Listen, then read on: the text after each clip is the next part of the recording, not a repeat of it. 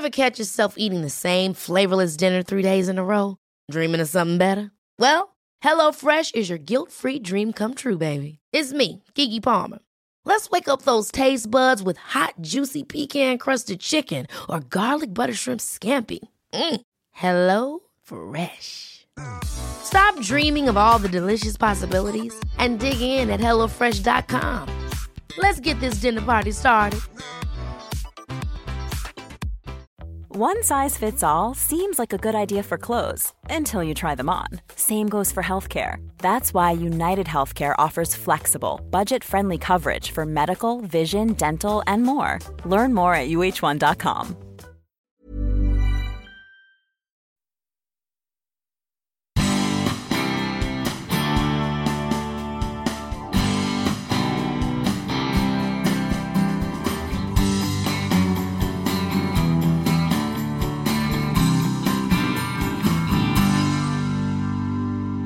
Man, man hade ju stegen då alltså, i, i, i vår lilla hockeyvärld då, då, är det, då ska man vara med i någon sorts TV-pucken som idag är katastrof för att det är, det hissar iväg farserna så långt så att de slutar ju tänka liksom. Älskar bortamatcher. Man har ju haft kompisar som man inte kunde, då får man ju titta i programmet om de var med i den här matchen, så kommer till Luleå och så ett jävla liv. Och en del klarar inte den trycket. Och jag älskar trycket. Min senaste klubb nu, Södertälje, där vi vann SM-guld, då hade vi väldigt många med stark psyke. Eldebrink och Masken Karlsson. Vi älskade bortamatcher. Vi vann mera borta än hemma. För att vi, vi, den där situationen, det var vi mot resten. Ett på natten svensk tid, då ringer han. Grattis! Ja, vadå liksom? Ja, du är proffs. Vid ett tillfälle i Scanarinken så så hamnar vi i gruff han och jag. Och sen är det någon som tar mina armar bakifrån. Och Rundqvist tackar ju för kalaset liksom och pucklar på. Det är bara att jag sliter mig loss och vänder mig om och drar en, en höger liksom. Men det var ju domaren då. Ett tappat telefonnummer hos AIK gjorde att Peter Wallin blev djurgårdare. Det blev starten på en spännande hockeyresa som tog honom hela vägen till proffslivet i NHL och den legendariska klubben New York Rangers. Men det fanns också en baksida. Knät gick sönder och efter sju operationer så bestämde sig Peter Wallin på att avsluta sin karriär på stående fot. Det blev en tuff resa som landade i något helt nytt. Ett företag som bland annat hjälpt över 50 elitidrottare att ta sig från toppen i sin sport till en ny tillvaro och som numera hjälper många företag att skapa vinnarkultur. Det blir naturligtvis mycket snack om ishockey och ledarskap. Inte det du är intresserad av? Stäng inte av, Peter är en fantastisk storyteller. Men vi pratar också om hur det är att missa en resa i limousin med Kiss-medlemmen Paul Stanley, vara samtidigt på isen med en boxare som hade vaselin i ansiktet, att slåss med Thomas Rundqvist och dela rum veckan efter, köra idiotträning i ett shoppingcenter i Talsa och att coacha expertkommentatorn Niklas Wikegård och varför Peter gillar Göteborg. Här kommer Peter Wallin.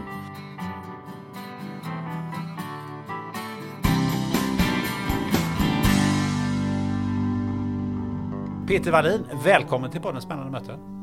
Tack! Du, nyss fyllda 66. Grattis i efterskott! Ja, det är väldigt nyss. Ja. Hur Eh, känns det? Det är jag kungen va? Vadå, Valborg. Ja, ja, just det. Det är på Valborg. Ja, ja, ja. Så att, ja. eh, Men kungen är lite äldre. Ja, det är han. 10 år. Mm. Eller 11. Eh, men fördelen med Valborg, det blir alltid fest. Ja, ja, ja men det är fest oavsett. Ja, det är perfekt. Ja. Hur känns det att vara 66 då? Eh, Rutinerad. Mm. Eh, nej, men jag tyckte det var 60 var lite lurigt. Aha. Tyckte jag. Eh, sådär. Man åker till Sydafrika och så med kompisar och så. Ja, nu fyller du 60. Så det tyckte jag var lite lurigt. Då började man fundera. Men 66 är inga problem. Du har liksom passerat den tröskeln där. Antagligen. Vi sitter ju på Scandic Crown Hotel i Göteborg och det ska vi säga för det är ett centralt och fantastiskt fint hotell. Och där har vi fått låna ett eh, konferensrum alldeles eh, fritt och du ska ju sova här i natt. Ja, jag ska ju ladda upp för eh, morgondag. Precis, då ska vi ha en gemensam frukost där. Ska jag få Ja. lyssna till dig. Ja, Jag och några stycken till. Ja. Du, hur är det att komma i Göteborg? Eh, det är alltid spännande. Jag, jag pratade med några affärsbekanta här liksom. Eh, man får ju alltid körningen liksom, framsidan, soligt. Du är ju solbränd. Ja, ja, det är det. ja, det skulle det Nej, vara. men det är... Jag gillar ju, om man säger så här, jag, jag håller ju på med affärer, egenföretagare med, med ett antal delägare. Jag tycker det är kul att vara i Göteborg. Varför det? För att jag kan gå runt här. Jag bokar mina möten, jag gör sådana här tour liksom. Så jag är iväg två, tre dagar och så bokar jag mina möten. Jag har några kunder, jag jobbar med Intersport så här. Eh, då tycker jag det är jävligt kul, och- för man kan knalla runt i stort sett. Det är jävligt praktiskt. Så det här, Göteborg gillar jag och sen gillar jag eh, Helsingborg, Ängelholm. Eh, Dels Ängelholm är ju liksom en litet hockeymecka med Rögle.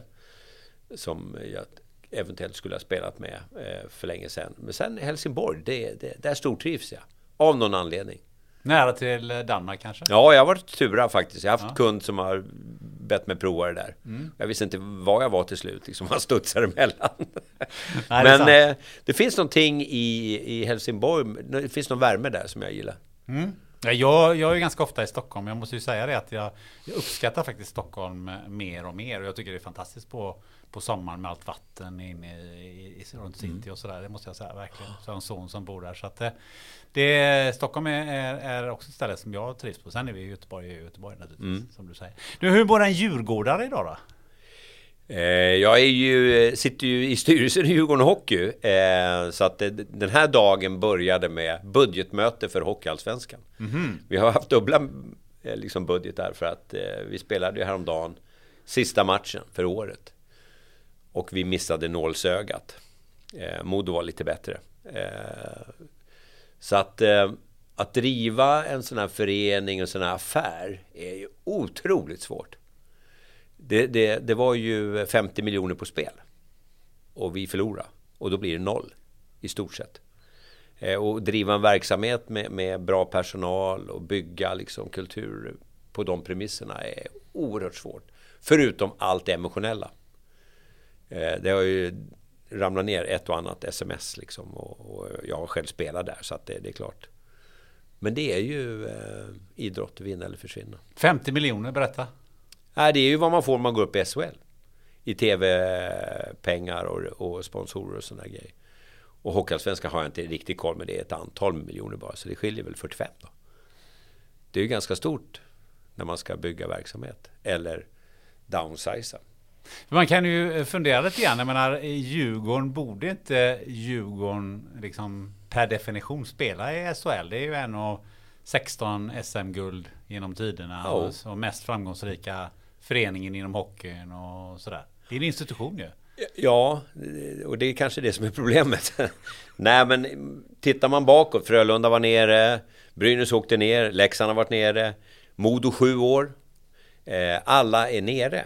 Och då kan man ju fråga sig varför blir det så i så fina varumärken? Och, och jag tror att jag, jag tror att det blir någon liksom slentrian. Det här vinna och det rulla på liksom nu så här. Ja, men du vet ju som Frölunda IT troligtvis hur det har varit här med skatteskulder och minus 30 och, och så helt plötsligt så kommer in andra ledare och så vänder det så man plus 30 ganska snabbt.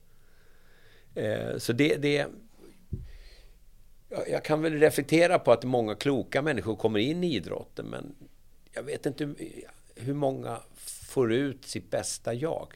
Varför det? Jag vet inte. Det, det blir nog emotionellt och så blir man väldigt intresserad av vilka spelare man ska ha. Du säger det kommer in andra ledare. Du jobbar ju själv med, eh, med ledarskap och sådär. Vad, vad, hur snabbt kan andra ledare i, i sådana här föreningar förändra dem? Jag tror så fort man hamnar på läktaren. Eh, fans trycker. Eh, det är väldigt mycket olika målgrupper. Eh, alla målgrupper är inte så enkla att hantera. Eh, Vilka är svårast? kortsida. Det är alltså fansen. Ja, och det finns ju olika kategorier av fans, ska man säga. Eh, så att... Eh, Varför är de svåra? Ja, men de är ju enormt emotionella.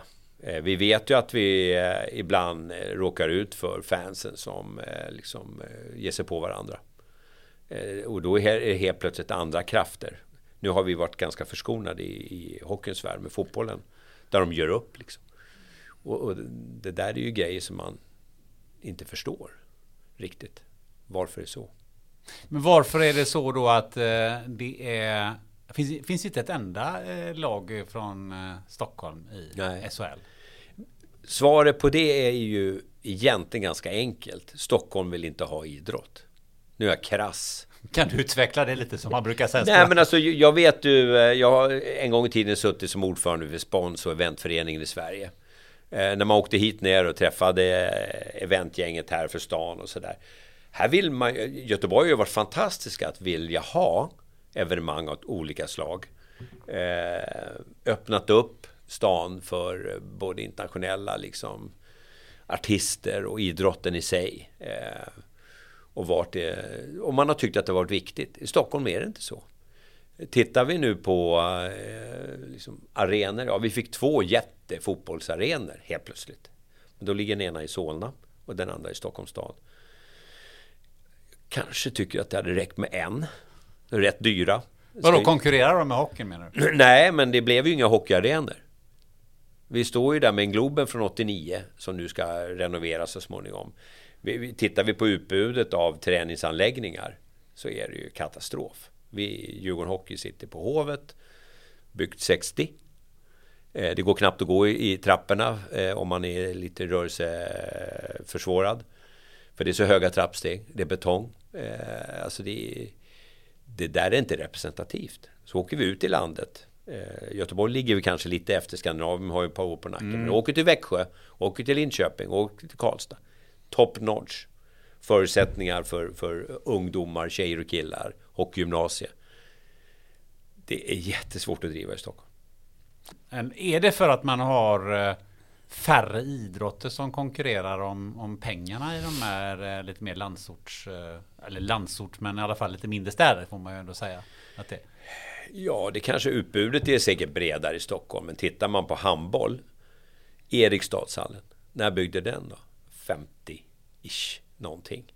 Alltså det är investeringarna i idrotten är ju minimala i Stockholms stad och med omnejd. Så att eh, förutsättningar för, för eh, både elitverksamhet och ungdom och rörelse är ju dålig. Innebandyn, gympasalar.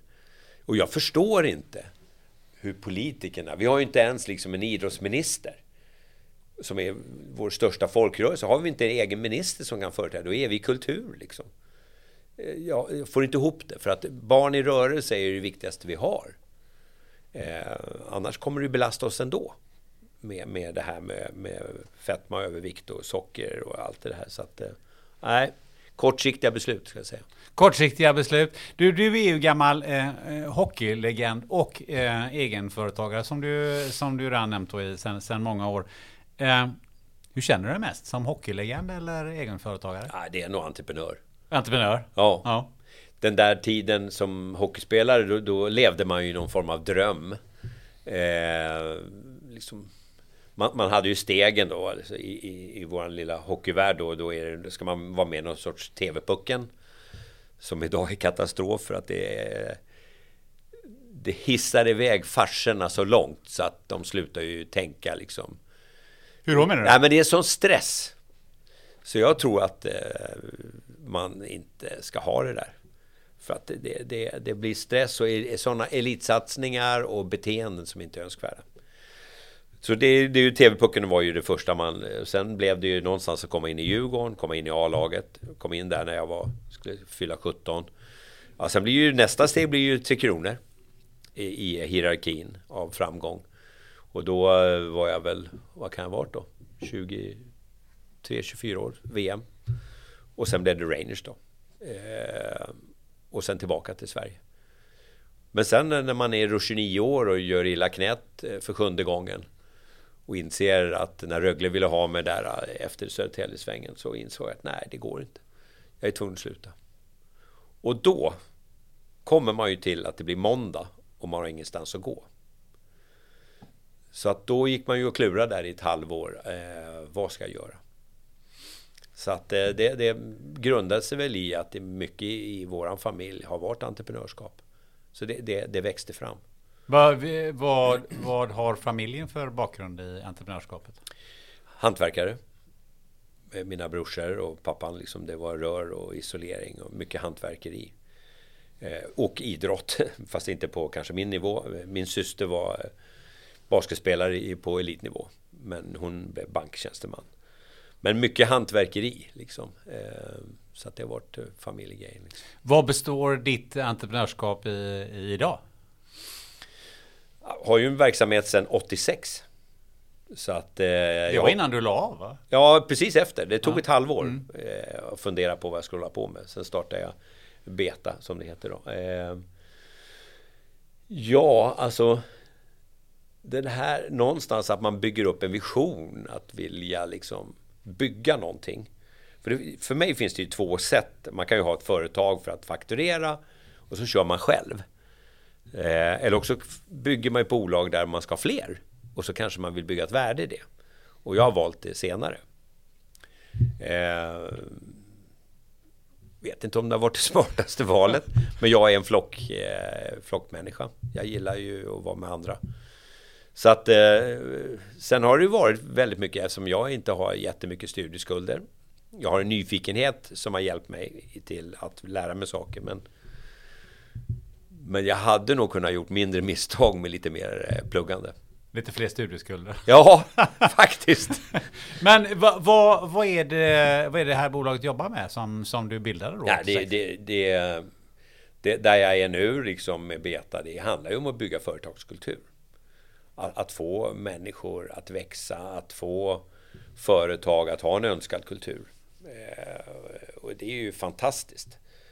Eh, och jag tycker nog att eh, i, i Sverige så jobbar vi ju väldigt mycket med att få så bra ledare som möjligt för att kunna jobba med de här kulturerna. Och ganska snälla kulturer. Som jag, inkluderande, som jag kan gilla. Ibland blir det lite software, liksom. Eh, om man jämför, framförallt när man har med lite mer internationella bolag att göra, kan man jämföra. När man kommer ner på södra delarna, liksom Tyskland och sådär, så kanske det är lite tuffare tag, rakare tag. Jag tänkte det att eh, vi, eh, vi ska kliva in och ur det här med, med ledarskap och det som, som är knutet till både till hockeykarriären och, och eh, ja, din egen karriär och, och, och ledarskapet i, i, näringslivet så kan vi mm. kliva mm. lite grann in och ur i detta. För jag tänkte nämligen att, att, att ta lite avstamp där, där du, där du började. Och du, jag nämnde ju din ålder. Du är ju fyra år yngre än Börje Salming. Mm. Eh, vad, vad, vad betydde Börje för din egen karriär? Inte jättemycket. Om jag ska vara ärlig. Var det, någon, det var inte en idol som du såg upp till? Nej, jag har ju mött honom. Jag har ju spelat mot honom. Jag har spelat uppvisningsmatcher med honom. Fantastisk person och liksom hockeykunskapen vet vi. Men jag, jag, tittade inte så mycket åt det hållet. Utan jag tittade kanske lite mer mot kanadensare eh, som jag följde när jag var yngre. Eh, sen, sen jag, jag är egentligen inte sådär för att titta på andra. Jag, jag gillar ju att foka på mig själv. Hur kan jag bli bättre? Så kan man ju sno lite idéer sådär, men, men eh, att, att, ha någon form av självinsikt i sin egen prestation, det, det har nog varit viktigt för mig. Vilken betydelse har, har Börje haft, tycker du, i, i svensk hockey? Ja, men det är klart att det är stort. Eh, sen om, om jag skulle ranka liksom backar och sådär så finns det ju många som är bra. Så det är klart att eh, han var ju... Eh, alltså det, det, som... Det stora med honom är ju hjärtat liksom. Den här fantastiska inställningen. Eh, så jag har ju förmånen att lira mot honom ett antal gånger. Och det blev väl någon blåmärke av honom också. Man, man fick sig någon rapp i varmen som, som hette duga. Och jag har ju lirat väldigt mycket mot hans brorsa Stig då. Mm. Eh, som var en annan sorts karaktär. Men, men det här med inställning, det är ju vad han står för. Tycker jag kanske mer än skickligheten på banan. Och det är klart att hjärta och passion för sporten, det går ju... Man, det är ju härligt att ta till sig. Ja, många säger att han bröt ju ny mark där borta i NHL också. Ja, det fanns ju några till, mm. skulle jag säga, med, med Tommy Bergman och några som lirar i Winnipeg då, då med Hedberg och Lill-Pröjsa som jag själva spelar med. men, eh, men han blev ju han spelar ju på sin bästa fot liksom med det här med inställning och komma varje kväll till jobbet liksom. Och uppoffrande. Jag vet inte hur många stygn det blev. Men det var ju åtskilliga. Ja, det var skridsko. 500. Ja, det var ju skridsko i ansiktet. Eh, skenan liksom som skar och allt möjligt liksom. Med, klart över snittet kan man väl säga. If you're looking for plump lips that last, you need to know about Juvederm lip fillers. With Juvederm Volbella XC and Juvederm Ultra XC, your lip look, whether it's subtle or bold, can last up to one full year with optimal treatment and no additional maintenance. Find a licensed specialist and see if it's right for you at juvederm.com today. That's J U V E D E R M.com. Add fullness to lips in adults over 21 with Juvederm Volbella XC or Juvederm Ultra XC. Do not use if you have severe allergies or a history of severe allergic reactions, or if you're allergic to lidocaine or the proteins used in Juvederm. Tell your doctor if you have a history of scarring or taking medicines that decrease the body's immune response or that can prolong bleeding. Common side effects include injection site redness, swelling, pain, tenderness, firmness, lumps, bumps, bruising, discoloration, or itching. As with all fillers, there's a rare risk of unintentional injection into a blood vessel, which can cause vision abnormalities, blindness, stroke, temporary scabs, or scarring. For full important safety information, visit juvederm.com. Hold up. What was that? Boring. No flavor. That was as bad as those leftovers you ate all week. Kiki Palmer here, and it's time to say hello to something fresh and guilt-free. Hello Fresh. Jazz up dinner with pecan-crusted chicken or garlic butter shrimp scampi. Now that's music to my mouth. Hello Fresh. Let's get this dinner party started. Discover all the delicious possibilities at hellofresh.com. Hey, it's Ryan Reynolds, and I'm here with Keith, co star of my upcoming film, If, only in theaters, May 17th. Do you want to tell people the big news? All right, I'll do it. Sign up now and you'll get unlimited for $15 a month in six months of Paramount Plus Essential Plan on us. Mintmobile.com slash switch. Upfront payment of $45 equivalent to $15 per month. Unlimited over 40 gigabytes per month. Face lower speeds. Videos at 480p. Active Mint customers by 531.24 get six months of Paramount Plus Essential Plan. Auto renews after six months. Offer ends May 31st, 2024. Separate Paramount Plus registration required. Terms and conditions apply if rated PG. Men varför blev det hockey för dig då? Idrottsfamilj, brorsor lira. Eh, var rätt bra i fotboll också, men det var den här passionen, intensiteten, adrenalinet som, som eh, attraherade mig redan tidigt när jag var ung. Vad betyder familjen eh, för den här tidiga starten i hockey? Skjutsade mig jämt. De fanns alltid där. Eh, farsan och morsan liksom. Eh, och, och, jag bestämde mig tidigt, jag har tre söner, eh, att alltid vara där. Och eftersom jag var entreprenör samtidigt så insåg jag en sak och det var att bli tränare. För då måste jag vara där. Annars hade jag nog hittat hur många skäl som helst för att jobba över eller göra annat. Så att alla, eh, jag, hade, jag, har, jag har en period i mitt liv som jag kallar för eh, kaviarperioden. för var 14 år. Eh, idag liksom när man eh, har knattar, då är man ju på is liksom 16, 16.30. Och normalt sett om man är en brinnande entreprenör så åker man kanske inte hem klockan tre. Men eh, de skulle ju träna. Så att då blev det liksom hem, dubbelmacka med kaviar. så, så det blev ju middagen liksom. Och som tur var så hade jag nära till ishallen. Eh, men det var otroligt viktiga år att vara, vara ledare för de här knattarna. Du själv, eh, du sa alldeles nyss här att det är ont om, om, om ishallar i, i eh, eh, Stockholm. Vad hade du nära till ishallen? Ja, det var ju gatan liksom. Var, var, var är du uppvuxen någonstans? I Järfälla, Jakobsberg. Eh, så jag undrar hur många timmar man har lagt på gatan. Liksom. Eh, sen, sen hade man ju inte samma preferens på vad var mycket istid. Liksom. Men, men, jag kunde ju notera att eh, på den tiden eh, då spolade man ju planerna. Då stack man ju ner och körde eftermiddagen.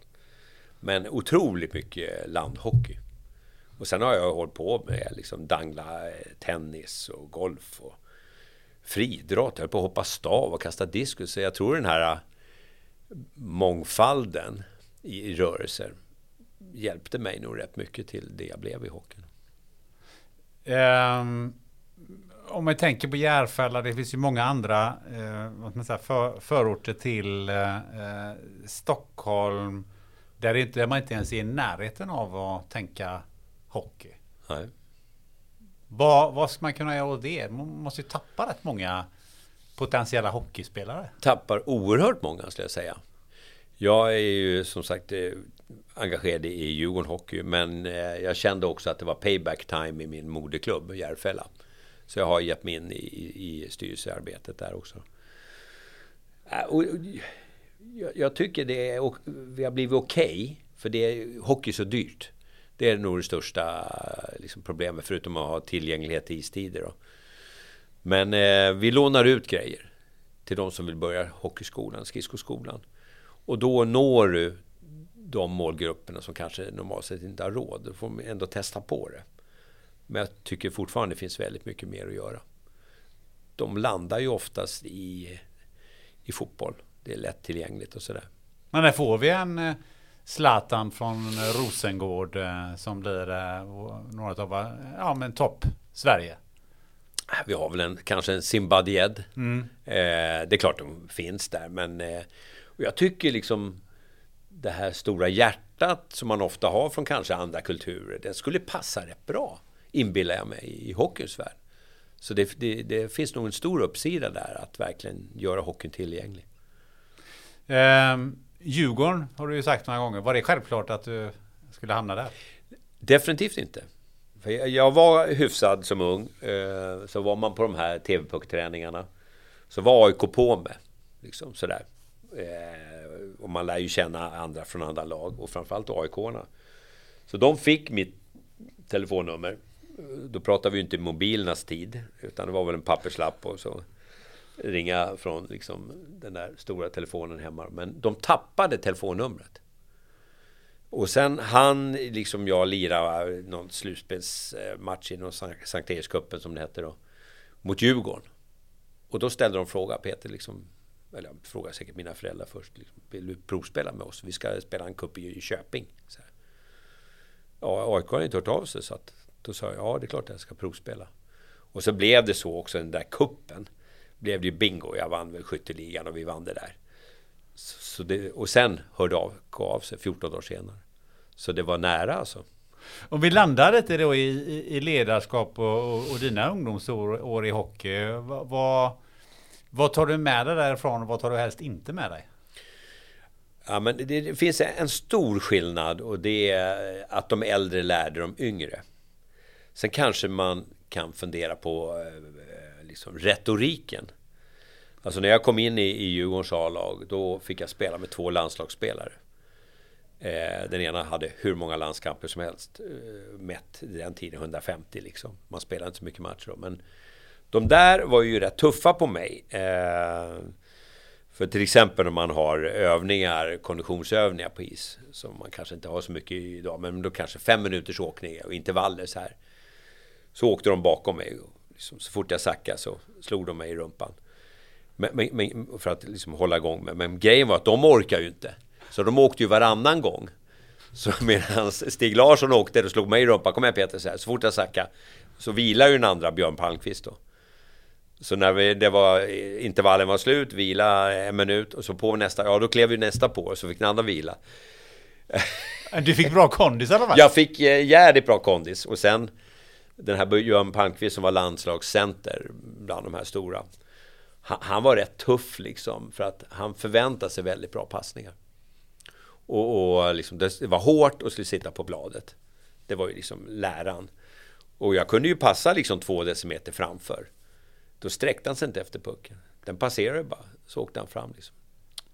Det där var inte bra liksom. Junior. Du vet, så här. Ja. Så man blev ju, jag vet inte, jag blev livrädd, men jag blev ju jävligt fokuserad på att slå den där på rätt sätt. Och det kan man ju se om jag liksom summerar mina skills. Så var jag grym att passa. Och det, det tror jag låg i grunden där. Eh, sen, sen liksom var det de här klassiska, liksom, man ska åka bortamatch Gävle. Så kommer man, man packar sin trunk och så ställer man utanför bussen så hoppar man in. Och, och de liksom, vänta nu, vad, vad gör du i bussen liksom? Ja, ska vi inte åka snart? Liksom? Ja, men din trunk står utanför. Det står fler trunkar. Gå ut och hjälp Skärfe sen. Ja. Så fick man ju... och det var väl inte så farligt. Men det blev liksom eh, ett sätt att liksom, ja men man hjälper till, man bidrar liksom. Så att eh, jag tror att de två, eh, det här de har varit på med, och de ville ju bara mig väl. De ville ju att jag skulle bli så bra som möjligt. Och det har jag ju kunnat konfirmera efteråt sådär. Men de var ju skitjobbiga.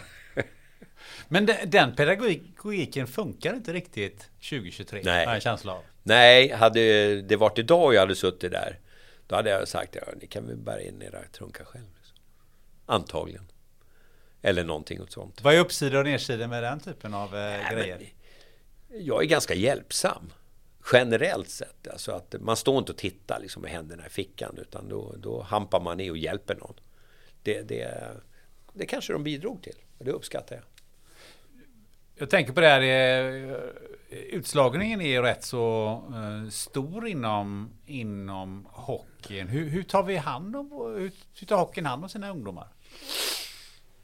Det är ju tidigare, jag nämnde TV-pucken tidigare. Det är typiskt utslagning. Eh, någonstans stannar ju livet om man inte kommer Hur med. gammal är man då? 15-16 år. Nu, jag har ju barnbarn nu då.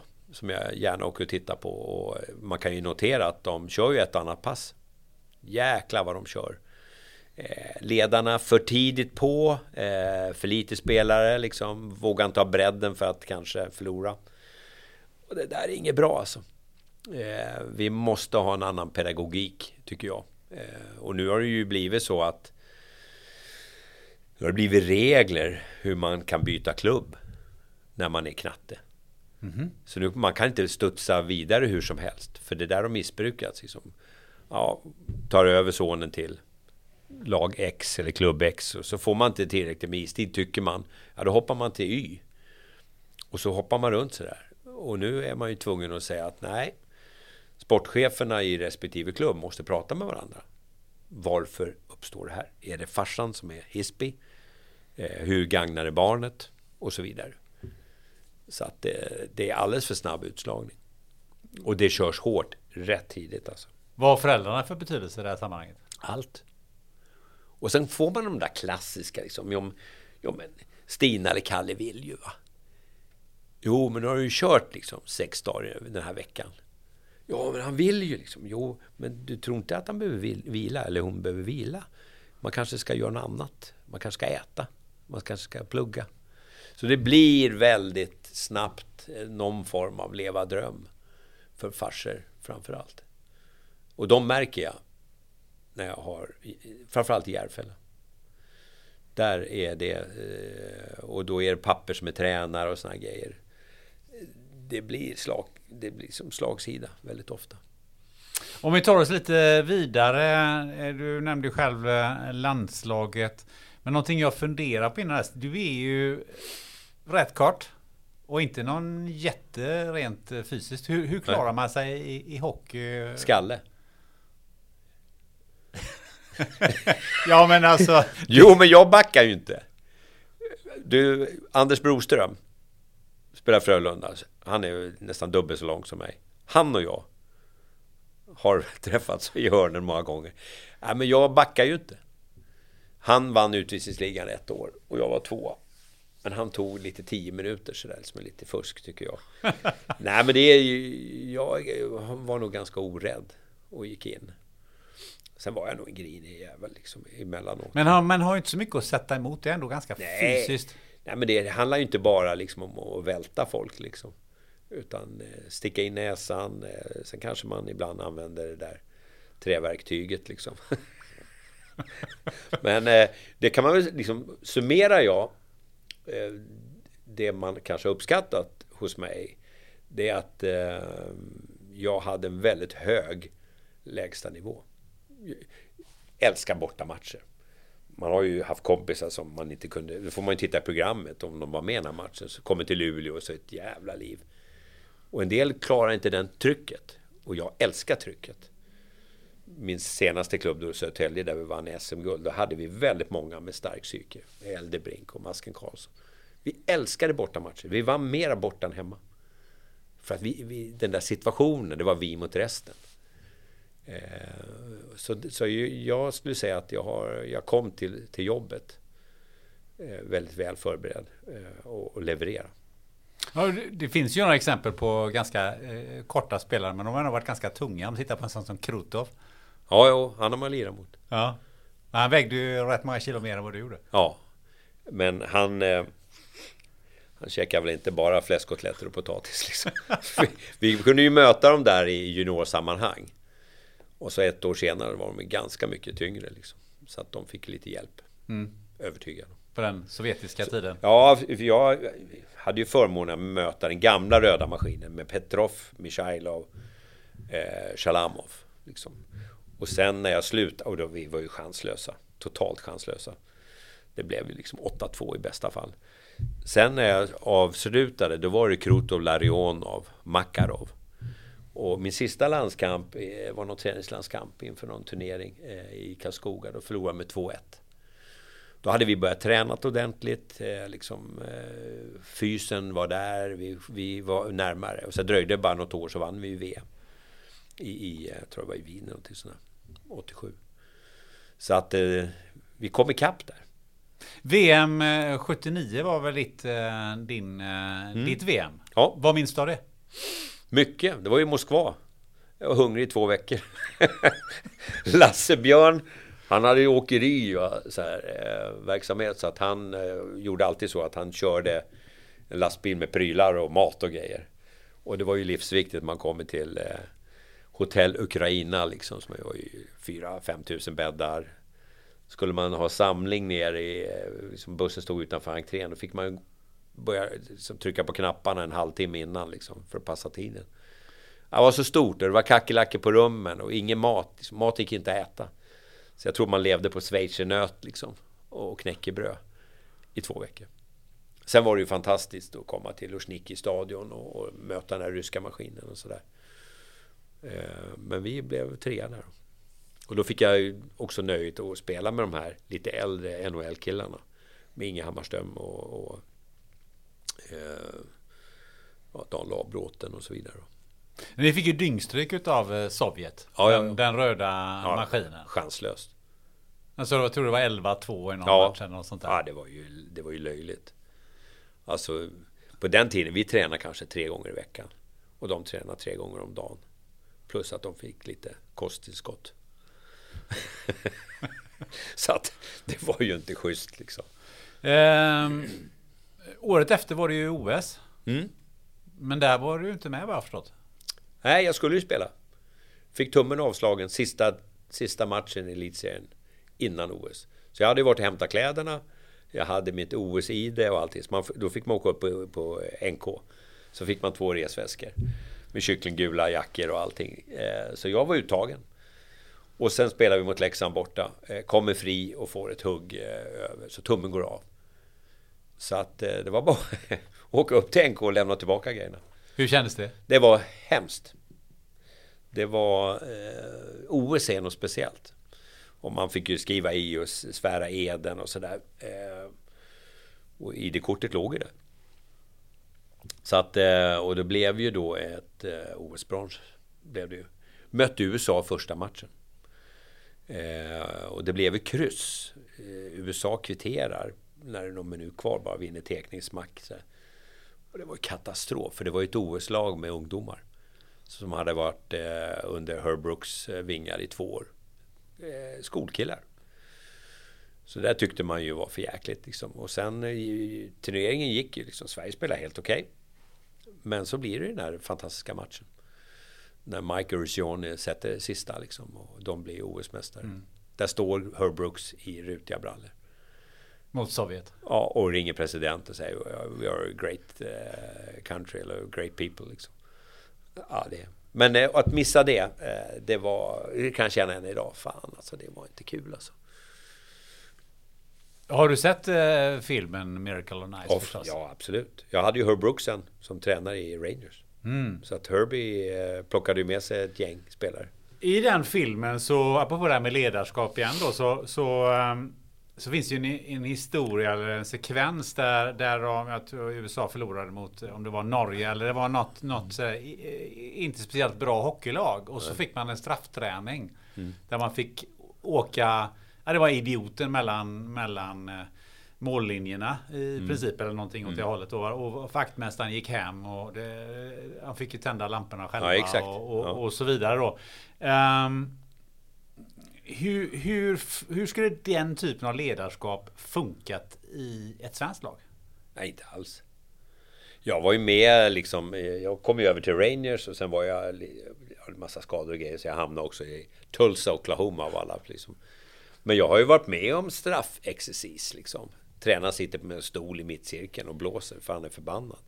För att man har presterat för dåligt. Eh, jag har varit med om det i, i Tulsa då. Vi spelar eh, hemma där någon match, eh, förlorar.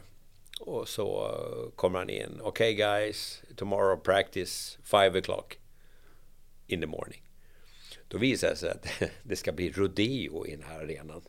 Nu pratar vi liksom Oklahoma, Texas-området. Så att eh, då finns det ingen isyta. Men han har då lyckats boka shoppingcentret liksom.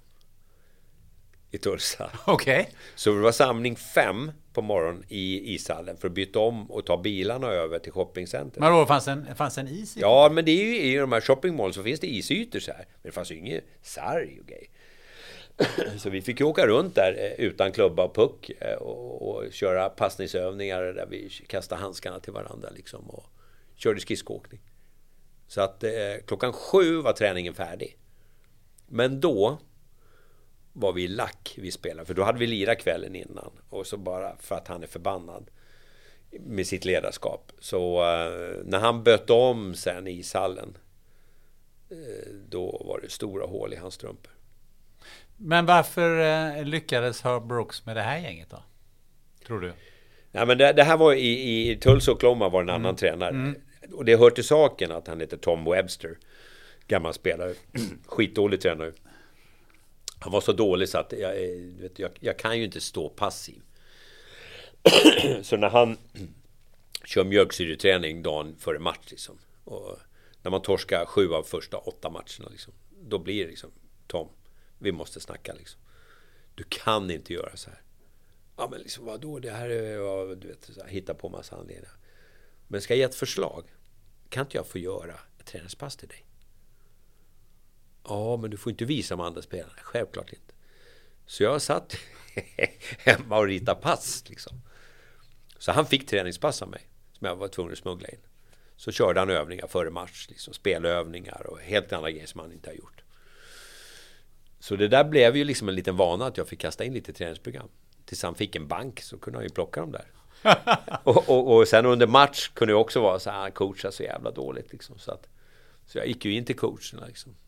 Guys, det här, det här funkar inte liksom. You have to change. Och så sa jag väl någon sån där, no, no Pete liksom. Go back. Liksom. Ja, så gick man in och satte sig där och fika färdigt och kommer coachen in. Okej guys, let's change. Och så gjorde han precis som jag sa. Eh, ja, det gick ju skitdåligt liksom. Eh, så när sista matchen var spelad i Tulsa, då var han så trött på mig så sa han Pete, go fucking home to Sweden. Året efter blev han tränare i Los Angeles Kings. Los Angeles Kings har precis värvat Wayne Gretzky. Eh, så han är ny där, man gör om hela färgerna ifrån att ha gått från lila, gult och sådär. Los Angeles färger. Så var det svart, silver och vitt. Man mergade om allting. Han blev årets tränare i NHL. Det är helt makalöst. För Gretzky tog han ju hela vägen. Ja, det är klart. Så att det, det där är en ganska dråplig historia. Men tillbaka till Herb Brooks. Varför lyckades han med Miracle on Ice? Äh, men när han jobbade med de där killarna, han var ju ganska europeisk i sitt sätt att träna och spela. Eh, de höll på nött i två år. Två år utan att spela en tävlingsmatch. Man spelar träningsmatcher bara. Tills man kom till OS. Och så gör man det den här dagen. Och jag berättade om han Mike Ursione som gör sista målet. Han lirar ju inte en hockeymatch till. Så han la ju av och blev ju liksom eh, expertkommentator på eh, Madison Square Garden Network. Men han, han, han jobbar med de där unga killarna. Ja, finns det någonting i det ledarskapet? För det jag far efter det är just det här. Här kör han liksom den här typen av träning. Eh, är det just med den här typen av killar som man kan göra det med? Ja, Jag tycker det där är ju inte roligt någonstans egentligen. Men det finns en annan scen. om, om du tittar på filmen igen så ska du se hans speech före finalen mot ryssarna. Jag brukar faktiskt använda den scenen. Där han går in. Eh, och det, där, där gillar jag ju det amerikanska ledarskapet. Där de kan ställa sig inför gruppen och liksom måla upp en bild som man tror på. Som man går igång på. Som inspirerar liksom. Och så går man ut och kör. Så den scenen där han liksom säger ja, trött på de här ryssarna. De hade förlorat en träningsmatch med 7-2 någon vecka eller två innan liksom. Och så säger han liksom, ni är förtjänta av det här, ni kan det här, eh, fuck the Russians liksom. Och, men på ett, på ett jävla häftigt sätt. Just det här sättet att kommunicera som ledare, då var han exemplarisk. Och jag kunde liksom få möta det ibland eh, i periodpaus eller före matcher. Jädra bra talare. Just det där när, när, när liksom det han säger hamnar i hjärtat liksom, och i maggropen. Det tycker jag det amerikanska eller nordamerikanska ledarskapet är bra. Hur kan man föra över det till ett eh, företagsledarskap i Sverige? Ja, men det, man ser det inte så ofta. Vi, vi har inte ledare som naturligt från skolan står där och inspirerar. Vi, vi kanske får det här från det militära, att kunna ta en grupp. Liksom. Men, men det här riktigt inspirerande, liksom, där man känner shit, den här ledaren vill jag följa. Det är ganska ovanligt. Sen har man många andra trovärdighet och omtanke för människor och sådär. Det finns en styrka i. Men, men just det att vara den här talaren. Eh, det är rätt häftigt. Varför är vi inte så bra på det i Sverige? För att vi inte tränar på det. Och vi får inte möjligheterna. I USA, där, där får du stå inför grupper i skolan. Liksom. Det, det är en del av retoriken. Där har vi en del att ta efter. För mm. det är ju en otrolig liksom, skill att ha det här att kunna få folk att tro på det här målen vi har målat upp.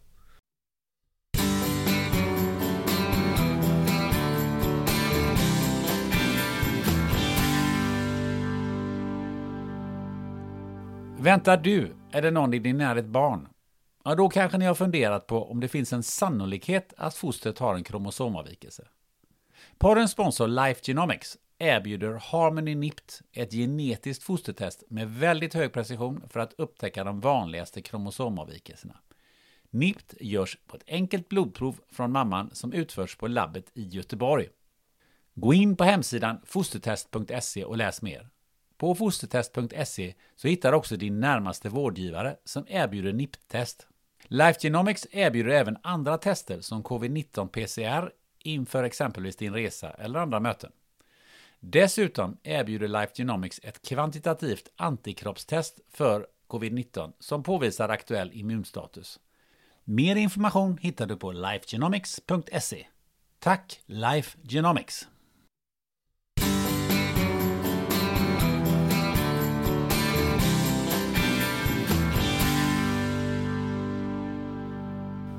Låt oss hålla oss eh, i USA, för du, du hamnar ju där.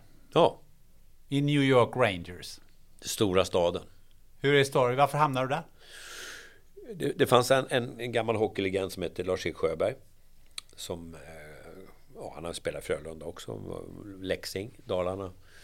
Han eh, spelade, åkte över och spelade för Winnipeg Jets. Sen landade han i, i Rangers organisation och var assisterande tränare. Och under tiden också så hade han koll på mig. Så när jag var på camper med landslaget så hade han dialoger med mig.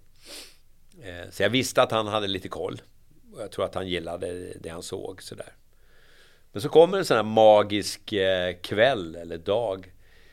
Eh, ska spela mot Färjestad borta. Scandic, precis som vi är på nu.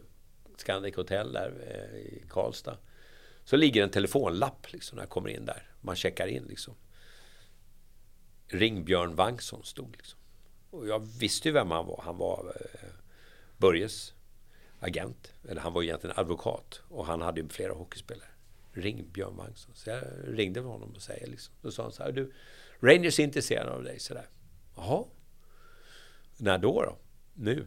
Så här, du har bara ett par matcher kvar. Jag ska åka över till New York för eh, jag hade, han hade eh, Ingmar Stenmark också. Så jag ska över dit och eh, förhandla grejer för Stenmark. Och då tänkte jag att jag ska passa eh, på att träffa Rangers. Jag hade ju inte gett honom uppdrag. Han tog ett hyfsat initiativ.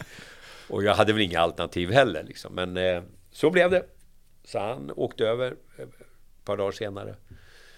Eh, och så ringde han och sa nu ska jag träffa Range klockan ett här då. Så, att, eh, så får vi se hur det går.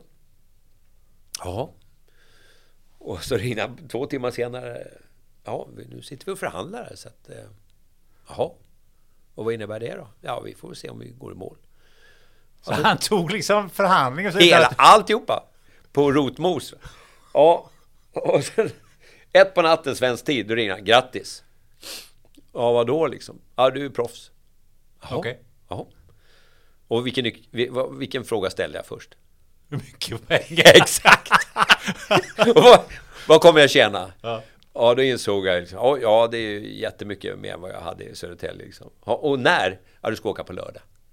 Jaha. Vad var det för dag? ja, det här var typ onsdag, torsdag. Jag tror det var natten till torsdag. Liksom. Jaha. Och hur går det här till då liksom? Ja, men Rangers bokar där. Eh, har du kostym? Ah, det är väl synd. Ja, du måste ha det. Överrock, du vet så här. Du måste ju rigga det där. Och så kommer Lars-Erik Sjöberg och hämtar dig på flygplatsen. Jaha. Och när ska jag börja lira då? Ja, det vet jag inte riktigt. När vi, vi kommer över måste vi skriva på papperna. Och sen har de match på kvällen, så jag vet inte om du ska spela då. Nej, kom jag, jag kom in kvällen innan. Liksom. Så att... Eh, åkte väl till Sumpan och, och tjackade kostym och överrock och grejer liksom. Hela programmet, för det var ju, där var det ju, visade sig sen att det är ju böter om man inte hade kostym och slips. 100 dollar. Ja, så sätter man sig på flyget så här, så undrar man så här, vad är jag på väg liksom? Vad är jag på väg?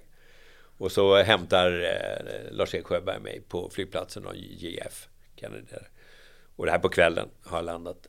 Och ja, jag ska köra dig till hotellet. Så glömmer jag aldrig när jag kommer och åker in mot Manhattan. Så kommer man över liksom någon form av bro och så ser man skyline. Jävlar vad stort det här är. jag hade aldrig varit i New York förut. Shit vad stort det var. Och man ser lyserna så här. Ja, välkommen i din nya hemstad liksom. Så, här. Ja, så åker man in i det där smeten liksom. Och, och, och bor på ett hotell och växer av sirener och allting sånt där. Och dagen efter var jag uppe i Garden och signa på. Men jag slapp spela samma kväll. Två dagar senare debuterade jag i Quebec. Men en fråga där, hade din svenska klubb ingenting att sätta emot att bara åka? Eh, ja, Djurgården kunde inte göra någonting. Men det, då fanns det liksom en regel att man får i Sverige att man bara fick representera en klubb per säsong. Nu är det lite annorlunda kan man väl lugnt säga. Så då hotar de med förbundet att eh, stänga av mig. Ja, men så då, då tar jag den. Eh, sen visade sig efter två år så la de ner det där så att jag kunde återvända. Ja, stänga av dig från svenska ja, spel i Sverige? Ja, spela, ja, precis. Så att jag, jag tog den risken. Vad, vad, hade du för, för drömmar och tankar när du liksom började lira där i New York Rangers? Det gick så jädra fort liksom. Eh, framförallt liksom det, det som att man kommer in i någonting så stort. Liksom. Eh, dels liksom stan i sig, arenan och sen kommer man ju in i ett klientel som man liksom inte var van vid. Ja, Hur då?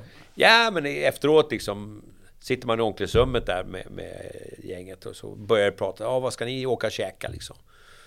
Ja, nej men den här restaurangen vill att vi kommer dit. Ja, det kanske var några som var ja men då kan vi åka dit. Och här var det det här. Ja, eller också hamnar man nere i, i Garden då liksom. Ja, då, där satt vi då. Ja, då sitter ju McEnroy där liksom. För han är fan liksom. Ja, John McEnroy liksom. Så pratar vi hockey liksom. Eh, och man hamnade i ett eh, helt annat liv. Och jag har en sån jävla kul story. Det visar att man är killen från Järfälla liksom. Vi har spelat en slutspelsmatch mot St. Louis. Och Lill-Pröjsarn och Hedberg. för jag hade inte min fru där. då. Och och Heberg sa liksom, ja vi ska åka till det här stället, eh, så häng på då. Eh, och de sitter säkert där och partar nu och käkar och grejer och sådär. Det är ett helt gäng. Ja, ja, men jag hängde ju på. Och där satt ju liksom 15-20 pers. Och det var ju full rulle liksom. Så vi hakade ju på där. Och så hamnade vi en snubbe så här. Jag hade inte koll på vem fan det var liksom. Och vi käkar och grejer och sen eh, ska vi dra vidare till någon nattklubb där då. Då säger han så här, men Peter, du kan åka med mig, jag har bil utanför. Ja, men det är lugnt, jag, jag åker med, med Lill-Pröjsans fru. Liksom. Så kommer jag utanför dörren liksom. Och då står det en limousin som är ju hur lång som helst. Liksom. Så jag liksom, Pröjsan, vem fan är snubben liksom? Och han bara, är du helt tappad liksom? Då var det Paul Stanley i Kiss liksom. Okej. Okay. Och jag hade ju fan inte en clue liksom. Så jag missade ju att sitta i baksätet på hans limo där och, och kanske fått sig en liten pilsner. Men eh, sen eh, träffade jag honom, för han, han polade med våran eh, tjej som sjöng nationalsången. Som också var då Broadway-artist och sjöng Är det vita. Så mm. de var ett par. Så, sen sprang man på honom. Men då hade jag koll. Då fick du koll. Fick du tag en, en bira bak i, i limousinen? Nej, fan jag missade det där. Så det är apropå att missa TV-pucken, missa OS och missa pilsnen i baksätet. Men det låter ju väldigt glamourigt. Men vad var NHL för en serie då? För eh, Börje då har ju vittnat om att det var halvt eh, kriminellt det som pågick på, på isen. Hur var det när du kom dit? Ja, det var ju tufft alltså. Det, det var ju mycket slagsmål och man, nu, nu lirar jag ju första matcherna med en kille som var boxare. Liksom. Vaselin i hela ansiktet liksom. Och, och fighter, fighter liksom. Vadå vaselin i ansiktet? Jo, men du vet som boxare har du vaselin så att inte liksom slagen ska ta för hårt. Liksom. Aha, så det är slipping off. Mm -hmm. liksom. Så han har ju tejpat handleder, ingen hjälm. Liksom. Men han var ju boxare i grunden. Han hade ju tävlat i Golden Gloves eh, turneringar i New York. Så när han, första matchen vi spelade, eh, jag hade ju tränat en gång med honom.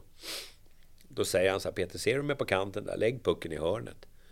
Så, eh, Björn Palmqvist hade lärt mig att passa på bladet. Liksom. så jag la väl den där pucken i hörnet och han bara körde ihjäl dem. Liksom. Så att han var ju en polis, liksom, en av ligans värsta eh, killar att slåss.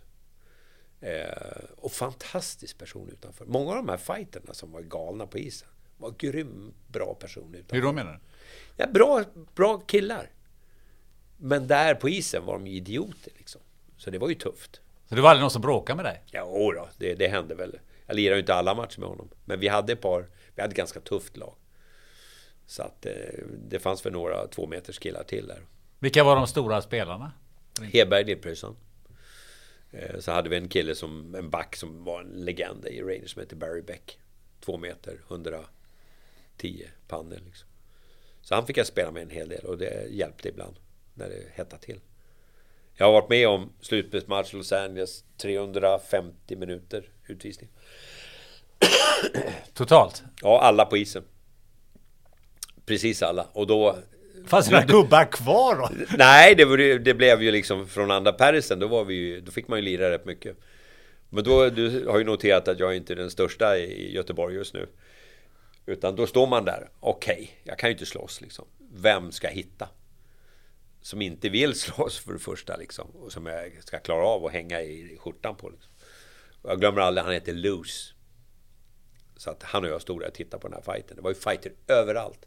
Till och med polisen kom ut på isen liksom, för att lugna ner Ja, det var ju hatstämning. Så att, eh, ja, det var lite show det där också. Hur, hur, hur var ledarskapet i, i ett sånt här lag jämfört med det du hade upplevt i svensk hockey? Men om man tittar till lagkaptener och alltså det, ledarskapet i laget, det tyckte jag var rätt okej. Okay. Sen var det ju så, så, stora diffar på löner och sådär. Antog vi ju, det ser man ju rätt snabbt. Men, men jag tror man, man insåg tidigt att man måste få ihop gruppen. Det måste bli en lag liksom, för att det ska fungera. Så den respekten finns. Sen kunde det ju liksom komma, kommer in en i omklädningsrummet så måste ju någon ut. Så när jag klev in så vet jag exakt vem som fick gå ut. Så det är ju hierarkin liksom. Så att då kan det ju bli att man får åka Greyhound-buss i farmarligan. Hur fick du göra? Ja, jag har åkt mycket buss. Vad kom, innan, vi, innan vi går dit, jag tänkte bara här med, med du sa med, med slagsmål och rent, så rent kriminellt. Det fanns ju ett gäng som hette Broadseed Bullies. Från, mm. från Philadelphia, fanns de kvar då när du? Ja, några av dem var kvar. Bobby Clark och de här? Ja, Paul Holmgren och... Mm. Mm. Men vi hade ju Vi hade ju en bra arsenal själva. Så att eh, det är man nog glad för. Men de, det var ju en image naturligtvis och de högg och slog. Så att eh, det är klart det blev ju en och annan blåmärke liksom. Mycket trash talk var det. Ja, ja, ja visst. Men då ska man ju veta att farmarligan, det var värre. Det var fan så mycket värre. Ja, berätta det. För att det, det har jag ju förstått att, eh, att i den ligan så är det ju ännu mycket mer slagsmål än vad det är i NHL. Ja, och då, eh, där är det ju alla sorters lirare. Eh, Och jag åkte ju ner och hamnade i Tulsa, Ice Oilers liksom. Eh, Mitt i, i liksom cowboydistriktet där och, och vi hade en fighter. Det var sex lag, 80 matcher. Sex lag och 80 matcher. Mm. Tror man lirar mot varandra. Kansas City, eh, 24 fighter tror jag. Sådär. Och, och många av dem där, väldigt mycket slagsmål. Och då lärde man sig, för att vi hade en fighter, men det tog ju inte många minuter förrän han hade fått match penalty. Och då blev man jagad. Men det man lärde sig, det är ju att skydda sig. Eh, Ja, för, för det första ha heads up, så man inte åker på smällarna. Och sen tar man ingen fight med dem där. Då får man liksom... Du bara åka därifrån? Eller? Ja, eller liksom se till att hålla distans. Du har en klubba fortfarande, som de måste passera. nu pratar vi idrott på hög nivå. ja, men du spelar ju ändå en och en halv säsong eller något sånt i, i, i Rangers. Varför hamnade du i de där, i den där gärdsgårdsserien? Jag skadade mig. Jag drog i korsband. Eh, som jag eh, liksom... De opererade mig inte. De gick in, eh, jag var inne på Lennox Hill Hospital på Manhattan. De gick in och så sa de att det är knäskålen har fått en smäll. Men jag gjorde ju en egen undersökning på sommaren när jag kom hem och då var korsbandet av. Så det skulle ju egentligen ha opererats. Och nu har jag titanknä. Så det blev ett dyrt pris på det där. Men då började man spela lite liksom sämre och så fick man skada. Så det egentligen åker man ner då till farmarligan för att komma igång efter skada, efter rehab. Så högerknät eh, har jag väl 7-8 operationer. Men du tog dig aldrig därifrån va? Nej. Jag var på väg till Detroit. Eh, De var intresserade. Men eh, det var ju skadeproblemen då. Men varför sket du inte det och åka hem, och åkte hem till Sverige eller till Schweiz eller någonstans? Nej, Europa? sen, sen hamnade jag i Södertälje efter det. Ja, men att- varför gjorde du de där åren ändå i... Nej, eh, men jag, jag... Alltså tittar man i Tulsa, jag fick ju spela hur mycket som helst. Alltså jag spelade 25-30 minuter per match. Så, så jag var ju bra. Jag hade en poäng i snitt. Så jag hade väl 65 poäng eller någonting sånt där. Så, så mitt hockeyskills, för jag insåg att där kommer jag inte vara forever. Men jag vill ju komma när jag kommer hem, som jag trodde då jag skulle komma till Djurgården. Eh, och till, tyvärr var det Leffe Bork i vägen där. Eh, så att jag eh, kände att jag måste hålla liksom nivån. Jag vill tillbaka till landslag och jag vill tillbaka till elithockeyn.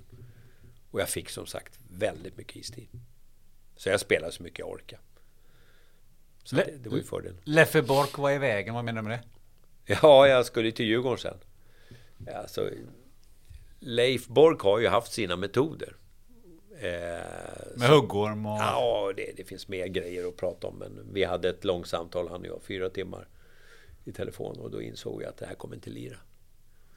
Han, han, han var lite för intresserad av eh, andra grejer hos mig. Mina föräldrars politiska inställning och sådär. Så det, det, Vadå? Vad hade det med hockeyn att göra? Nej, det vet jag inte. Det får du fråga Leif om. Men det var mycket frågor om det ena och det andra. Som, som liksom handlar om min integritet också. Som jag inte köpte av.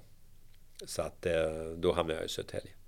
Men hur var det att komma tillbaka till Sverige efter... Fantastiskt. Varför det? Ja, men jag kom tillbaka i, i, i bra form, även om mitt knä var dåligt. Men jag hamnade ju i ett Södertälje som var ett nytt lag i elitserien.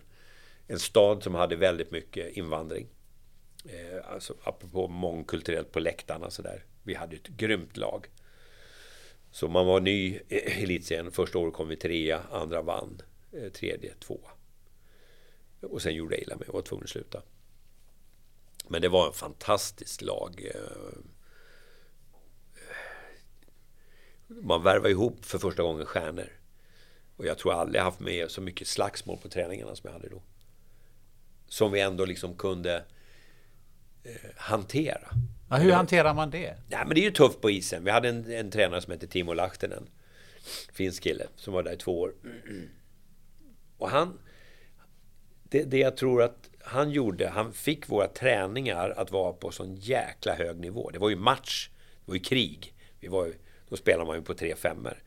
Så när man hade olika övningar eller tvåmålsspel så var det sån jädra kamp.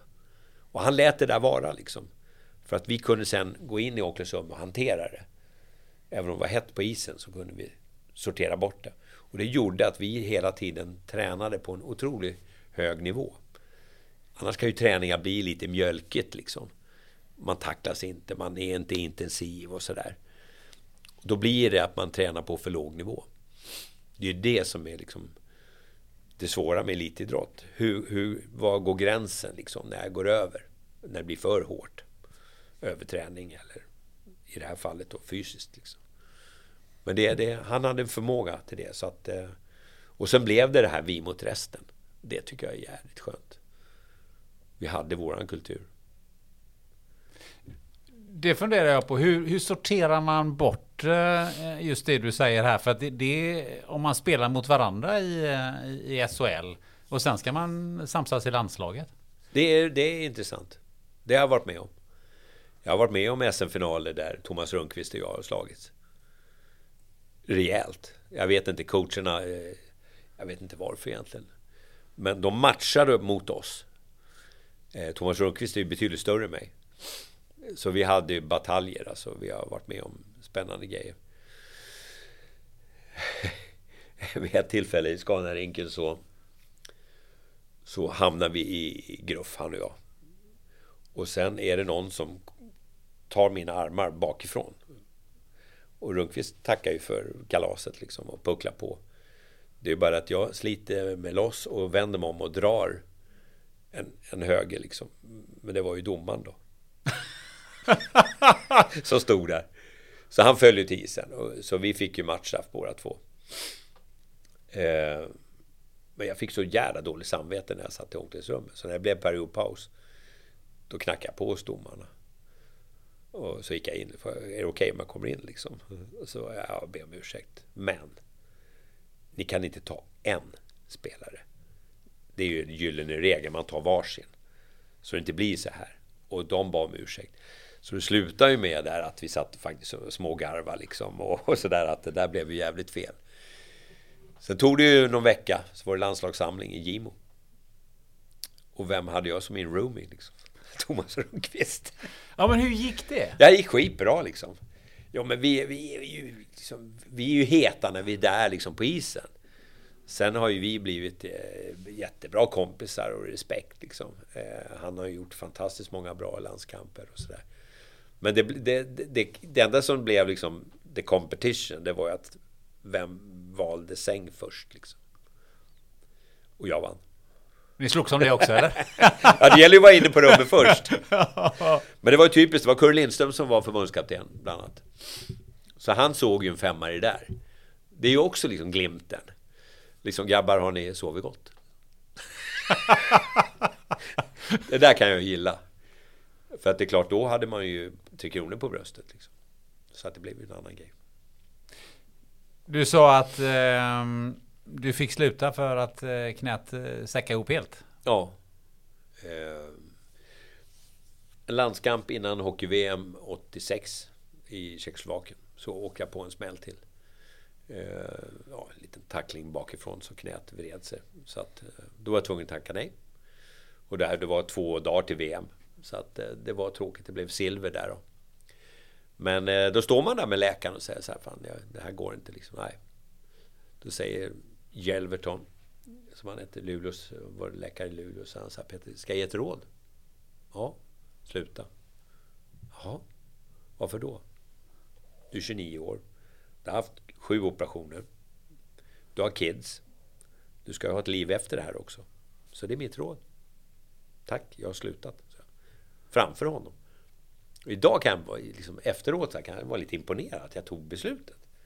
Men det var definitivt liksom, nej, sluta. Och så ska jag meddela Södertälje då att jag har gjort illa mig och beslutat att sluta.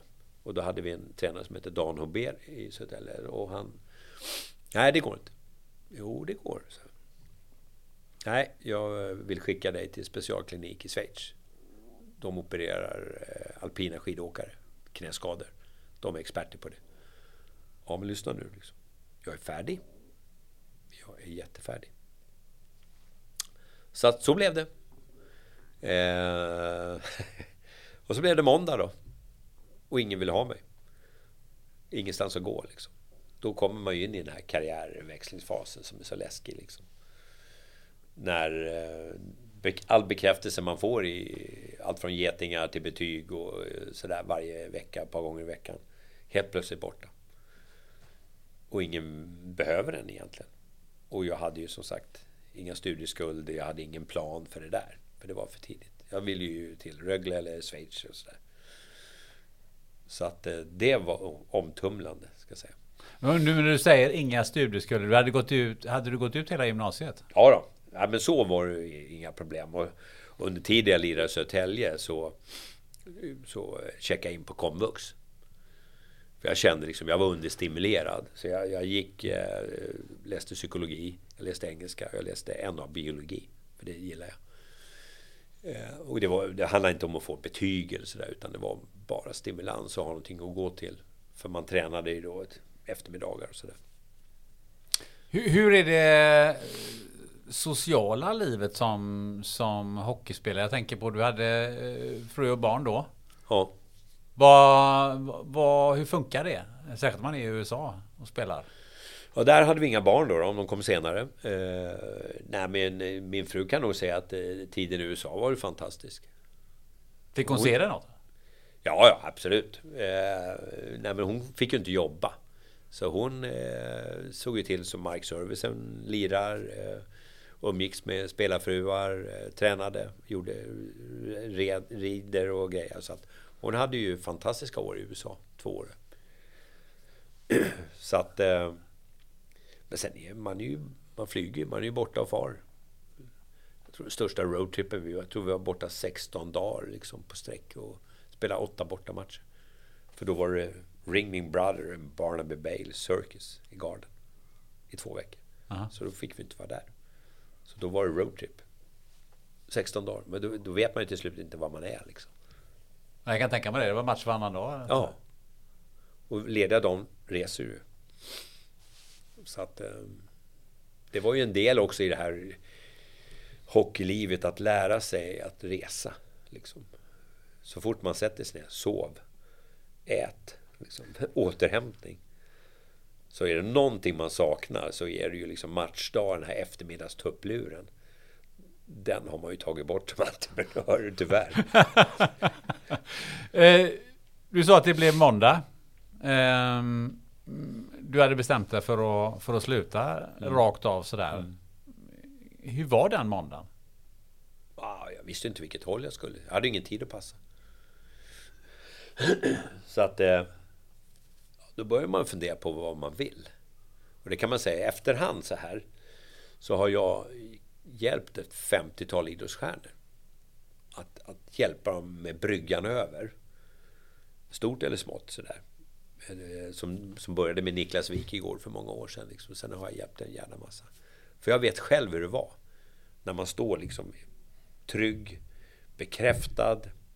Eh, man har sin punkt i livet, man, man tillhör någonting. Till att det blir tomt. Och det kan man ju se VD idag liksom, som åker ur och så säger man nej jag ska ta det lugnt ett tag. Och sen börjar resan. Och så kommer de inte in. Och de får inte tillhöra något nytt.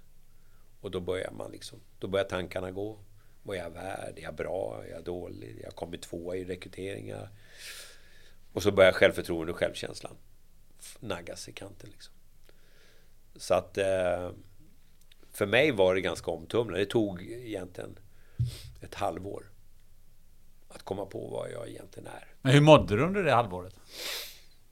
Det var mycket sökande. Jag, jag, jag kastade mig in och hjälpte till och sålde lite golfgrejer och reste sådär. Men jag förstod att det där var ju inte rätt. Men det var ju ett sätt att liksom göra någonting. Vad, ehm, du sa att du hade coachat Wikegård. Ja. Niklas Wikegård, en alltså, legendarisk coach i ja. Djurgården. Absolut. Hur är det att coacha en coach? Fantastiskt. Vad, vad coachade du honom i? Han hade, han hade lagt ner sitt coachande i hockey helt enkelt. Han hade nog varit här nere och förlorat eh, en kvartsfinal mot Frölunda. Och då, sa, då la han av som ledare. Jag hade, eh, eller tränare i hockeyn då. Jag hade haft lite kontakt med honom och sådär. Eh. Men då började vi liksom diskutera. Vad, vad vill du? Vad ska du? Liksom. Och då började Då var först... Om det var TV3 eller vad det var. Han gjorde nog hockey-VM. Där han satt och skrek för första gången. De har aldrig varit med om en expertkommentator som skrek och var så engagerad och svor och grejer. Så att då blev det så att jag tog honom under mina vingar och började jobba med honom. Vi har jobbat med ett livspussel. Så hur ska... För han blev het ganska snabbt. Föredrag hjälpte jag honom med att bygga. Eh, familjen i mitten. Fru, tre döttrar. I Sigtuna. Media. Varumärke. Sådär. Eh, så ja, vi höll på säkert tio år han. Så det blev starten egentligen på att jag hittade sätt hur man kan coacha. Karriärcoacha idrottare. Har du några sådana knep eller tankar Ja. som, du vill, som du vill outa här? Som du säger att ja, men det, så här ska man, det här bör man tänka på när man slutar eh, och strålkastarna släcks. Och det inte står eh, 20 000 eller 100 000 eller 50 000 personer Mm. applåderar för att man kommer till jobbet. Ja, men för det första ska idrottaren ta hjälp. För annars ska man sitta och grubbla där själv. Eh, och det är ju inte så att jag har svaren, men jag har bra frågor. Och, och, och det, det jag lärde mig ganska snabbt, det som jag har gjort 50 pers ungefär i den här bryggan. För då, det blev så sen lite längre fram att jag, jag, det kom idrottare från SOK. Individuella och lagidrottare av världsnivå. Och, och många som har varit med i Mästarnas Mästare och liksom Elofsson liksom, ringer.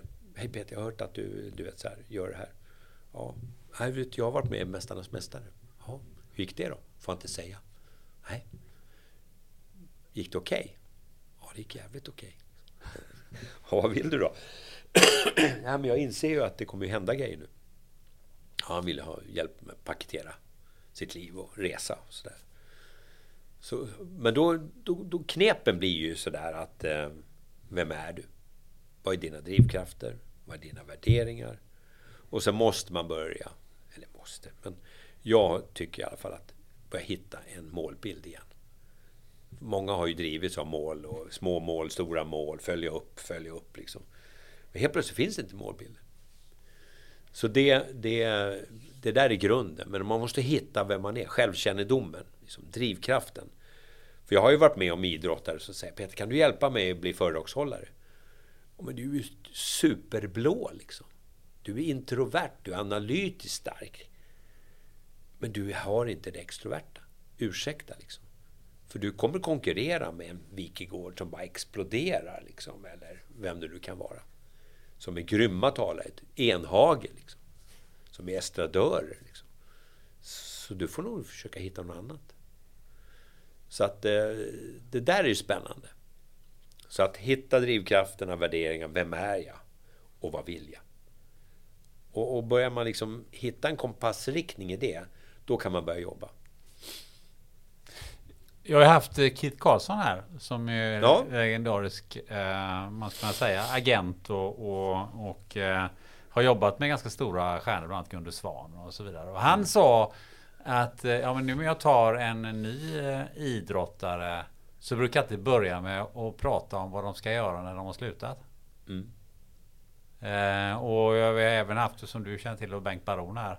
Som tycker att vi är usla på här i Sverige på att, att, att fundera över en karriär och särskilt då som, som rådgivare som agent eller Ja, sådär. ja. Vad, vad, vad är din bild eh, utav det här och, och hur ser du på det?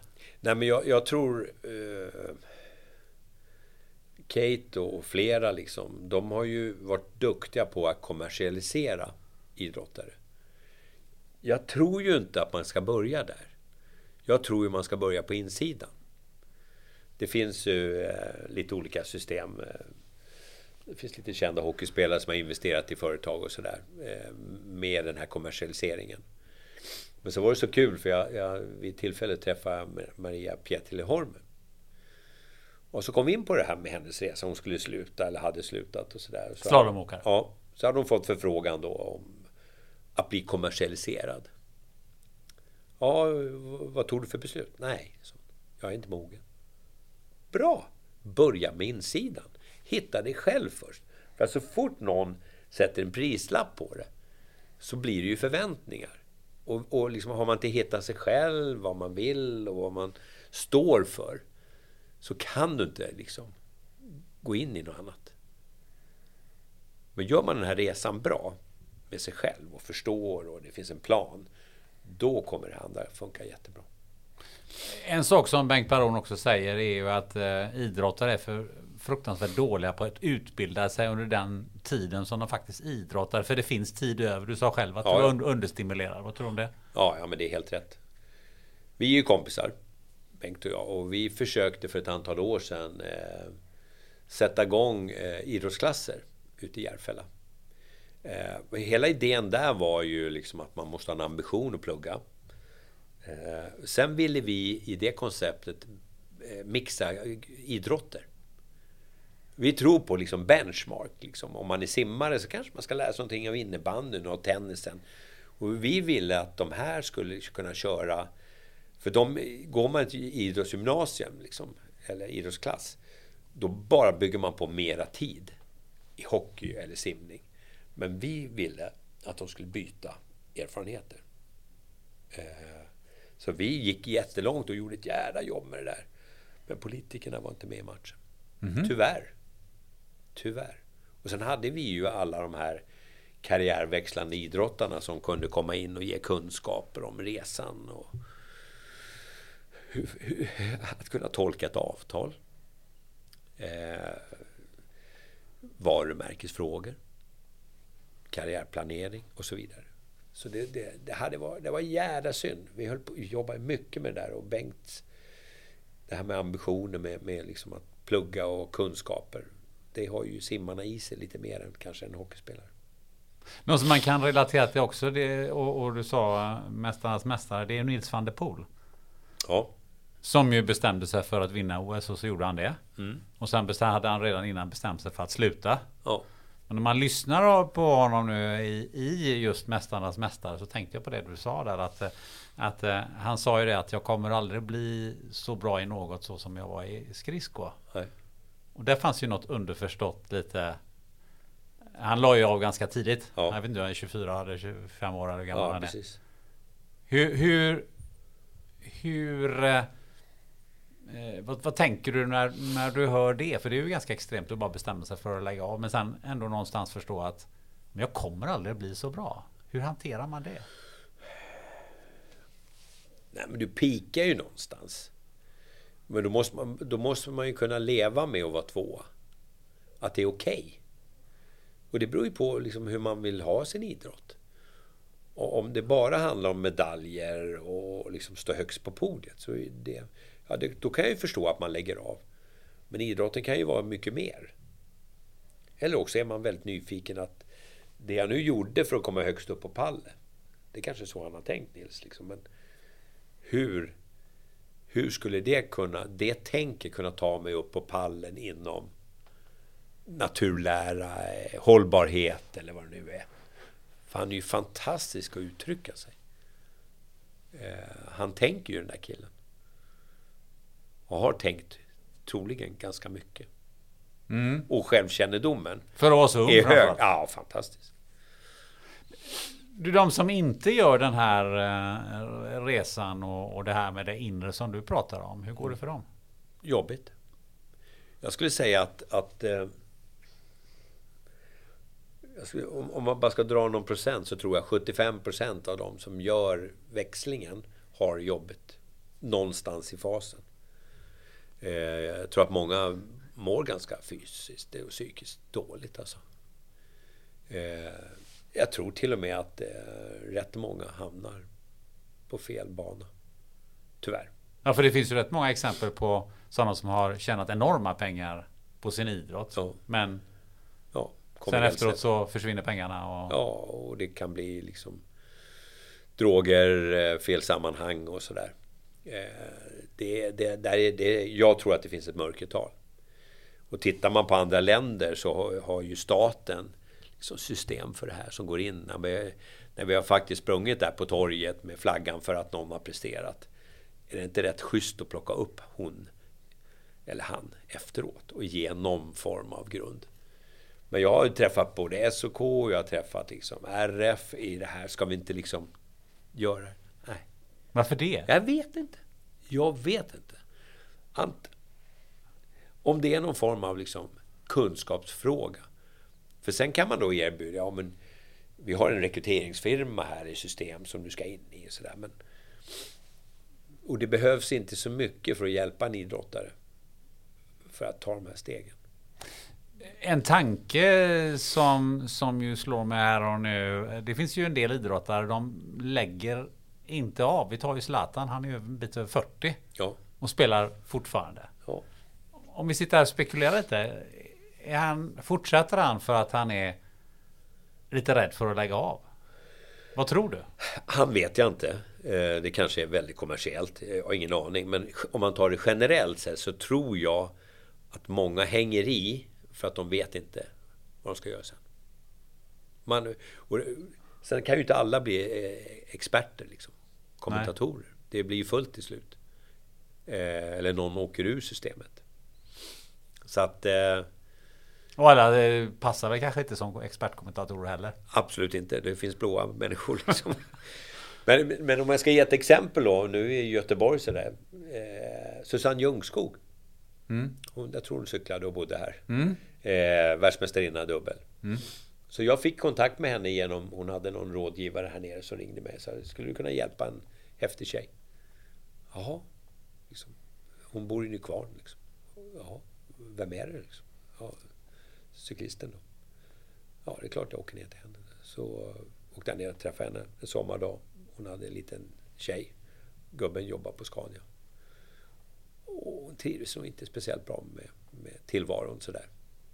Och så vad jobbar du med? Jag är hudterapeut på Stureplan. Liksom. Okej, du bor nu kvar. Det är ju en bit att åka liksom. Och cykel då? Så, nej, ingenting. Nej. nej, jag vet inte vad jag ska göra. Nej, men är det okej om jag åker hem och funderar på det här? Så jag åkte hem. Jag kommer ihåg det här så väl. Liksom. En, en söndag. Så sitter jag där och är lite kreativ faktiskt. Så, så kommer jag på fan klart de ska hålla på med cykel. Cykel är ju stort, motionärer och sådär. Så då kom jag fram till, liksom, hon, hon hade tävlingsstall. Hon tävlade för ett italienskt stall. Och då hade jag, eh, och har fortfarande en kund som heter Zeta Di Luca. Eh, Fernando, liksom. Italiensk mat. Jag tänkte, fan liksom. Om jag, om jag gör det här lite smart. Så tittar jag då på deras paket. Det är ju den här turkosa färgen. Så börjar jag googla på den där. Ja, då betyder det himlen över Milano.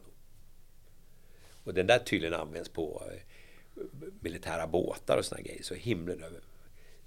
Och då heter det Sky Blue. Så då döpte jag det till Team Sky Blue. Så tänkte jag så jag kan ju kanske i alla fall hjälpa honom med en sponsor. och så jag paketerade och det handlar om att skapa tjejteam. Som, som tränar ute i Sverige. Eh, det handlar om att ta fram ett lopp för att det ska kunna bli lite intäkter och sådär. Idag, det här är gått tio år, hon fick sätta det Luca. Veden där Jerker tog hand om henne fantastiskt och det blev, de utvecklade det här samarbetet. Eh, alltså jag tror att hon har liksom cykelteam 10-15 platser i Sverige idag.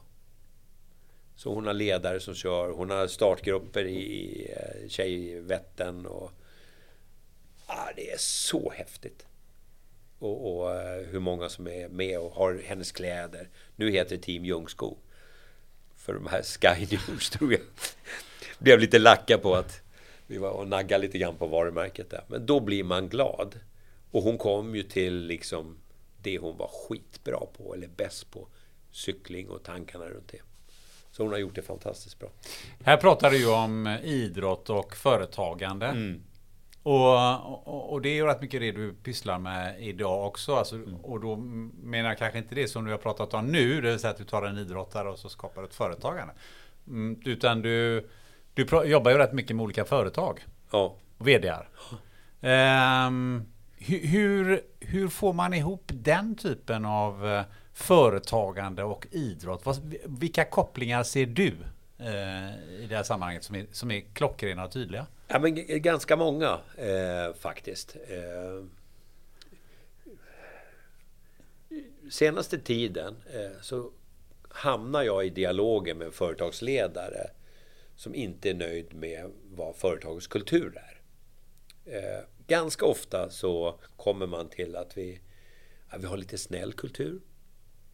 Eh, vi är lite reaktiva. Eh, ledarna kanske inte liksom är riktigt där. Och, och det numera liksom är ju konkurrensen ganska tuff och i vissa branscher är ju liksom World Wild eh, Web liksom. Det är ju ett öppet liksom, landskap. Det finns ju inga gränser liksom.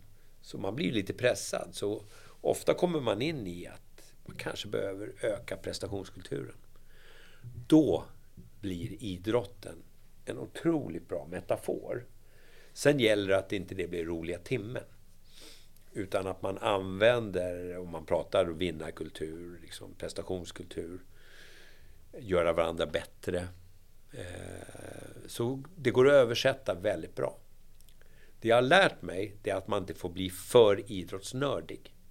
Utan man måste liksom balansera det här beroende på vilken grupp det är. För liksom Kalle eller Stina i repan, liksom, de kanske inte förstår alla fotbollstermer eller hockeytermer. Det går inte. Utan man måste liksom, på ett bra sätt liksom, paketera det här.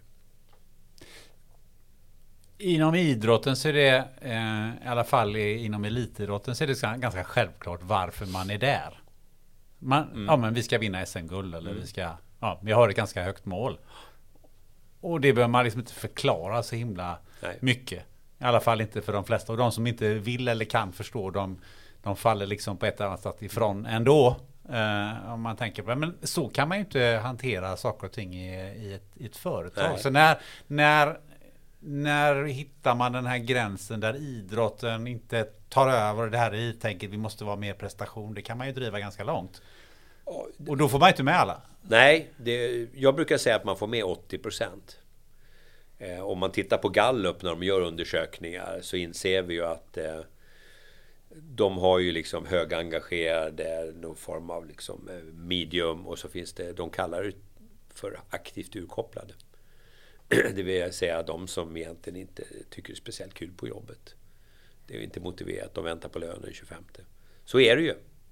Och det här kan man inte trycka idrotten hur hårt som helst. Men, men någonstans eh, det handlar om att få engagerade medarbetare. Du måste ju få med de här 20 procenten eller så måste du göra dig av med de 20 procenten. Ja, någon kommer ju alltid vara längst ner på skalan. Så är det. Men ofta så lägger du fokus på 20 procent. Där lägger du energin. Där, som ledare jobbar du med de här jobbiga frågorna. De som egentligen inte vill.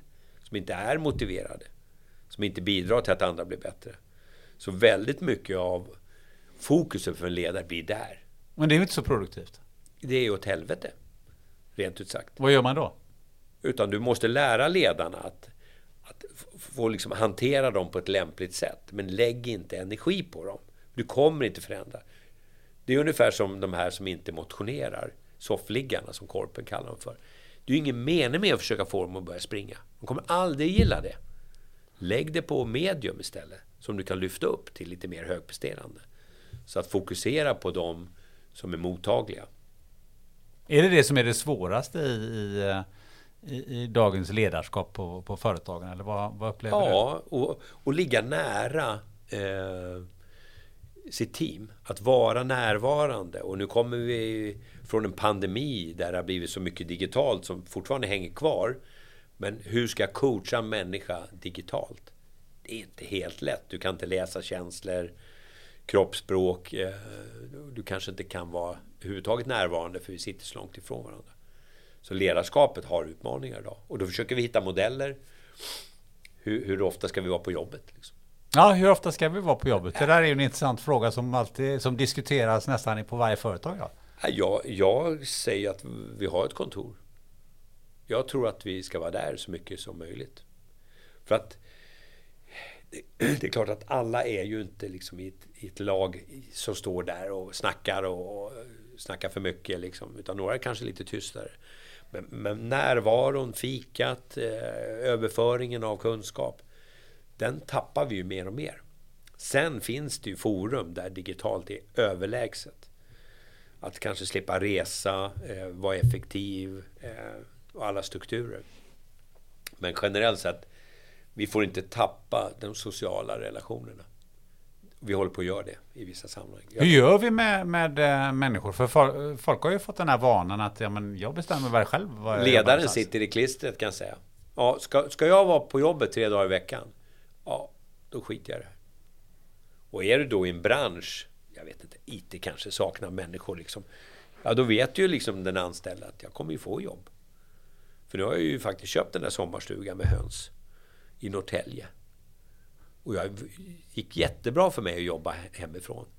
Fyra dagar i veckan eller fem dagar i veckan under pandemin. Så varför ska jag börja sätta mig och pendla till, till Stockholm? Mm. Det tar ju 1.15. Vad säger man till dem? Ja, du måste ju sätta ner dina fötter och säga så här, eller skorna liksom. Det är det här som gäller. Då får man väl tappa då. Det är så? Ja. Men jag tillägger att det finns ju vissa situationer som det digitala är jättebra. Så det är klart att man, ska liksom, jag tror man måste prata om hur, hur når vi målbilden? För det är det det också handlar om.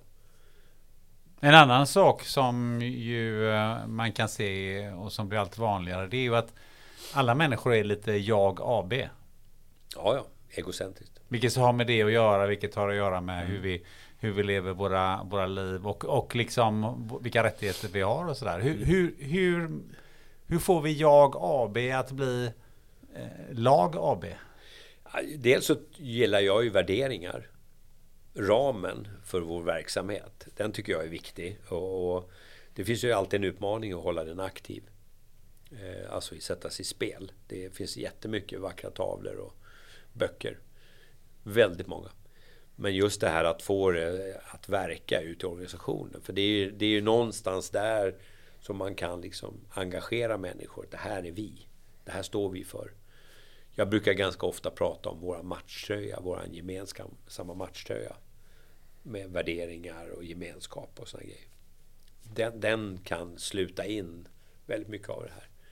För jag menar om du har en Zlatan då, en Jag AB.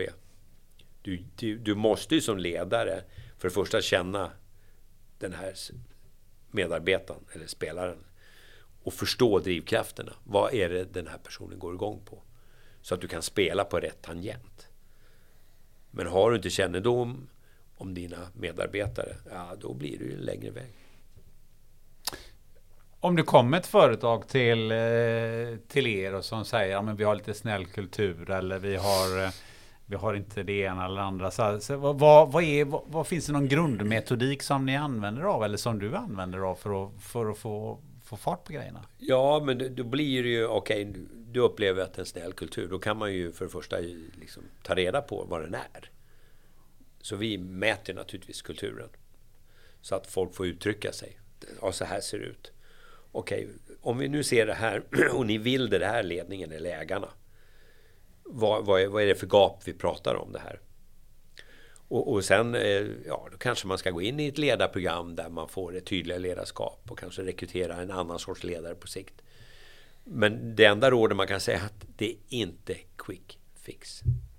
Det här är ett nötande. Det här är ingenting man åker på konferens en gång om året. Det för, det, för det är ett typexempel på. Nu åker vi på konferens och så sätter vi upp, så, så sätter vi upp lite sådana här ja. eh, posit-lappar. Skitbra liksom. Och sen har vi en jävla bra party liksom på kvällen och har kul ihop liksom. Och så finns det ingen uppföljning. Men där kommer idrotten in. När man pratar om vikten av att träna. Du måste träna på de här sakerna. Du måste liksom jobba med det hela tiden. Så att vi gillar ju att eh, få ett nuläge över kulturen och låta ledarna ta ner det här i sina team och prata om varför ser det ut så här. Varför finns det positiva ord och varför finns det de här negativa orden? Vi och dem. Vad innebär det? För ni, vi har ju svarat på det här. Och sen gillar vi att jobba med värderingar ner i teamen också. Vad är ramen? Vad är det som gäller? Eh, vet du, vi börjar närma oss eh, slutet på det här eh, samtalet. Vi är inne i tredje perioden. Vi är inne i tredje perioden. det är väl det som jag brukar säga att, att vad är det, man, man, jag är inne på tredje perioden, eller vi är inne på tredje perioden, mm. du och jag. Vi är, liksom en, vi är plus 60 plus, då är vi inne på tredje perioden och sen är det, när vi är 90 så är det sudden death efter det. Är det så? Ja, jag tror det. Nej, men eh, frånsett det. Vi är inne i tredje perioden definitivt. Vi, slut, vi börjar närma oss slutminuterna. Är, är, det någon, är det någonting som vi eh, borde ha snackat om tycker du eh, så här innan vi, eh, innan vi öppnar eh, båset? Och Nej, vi, vi, jag tycker det vi, vi touchar på slutet här, det här med värderingar.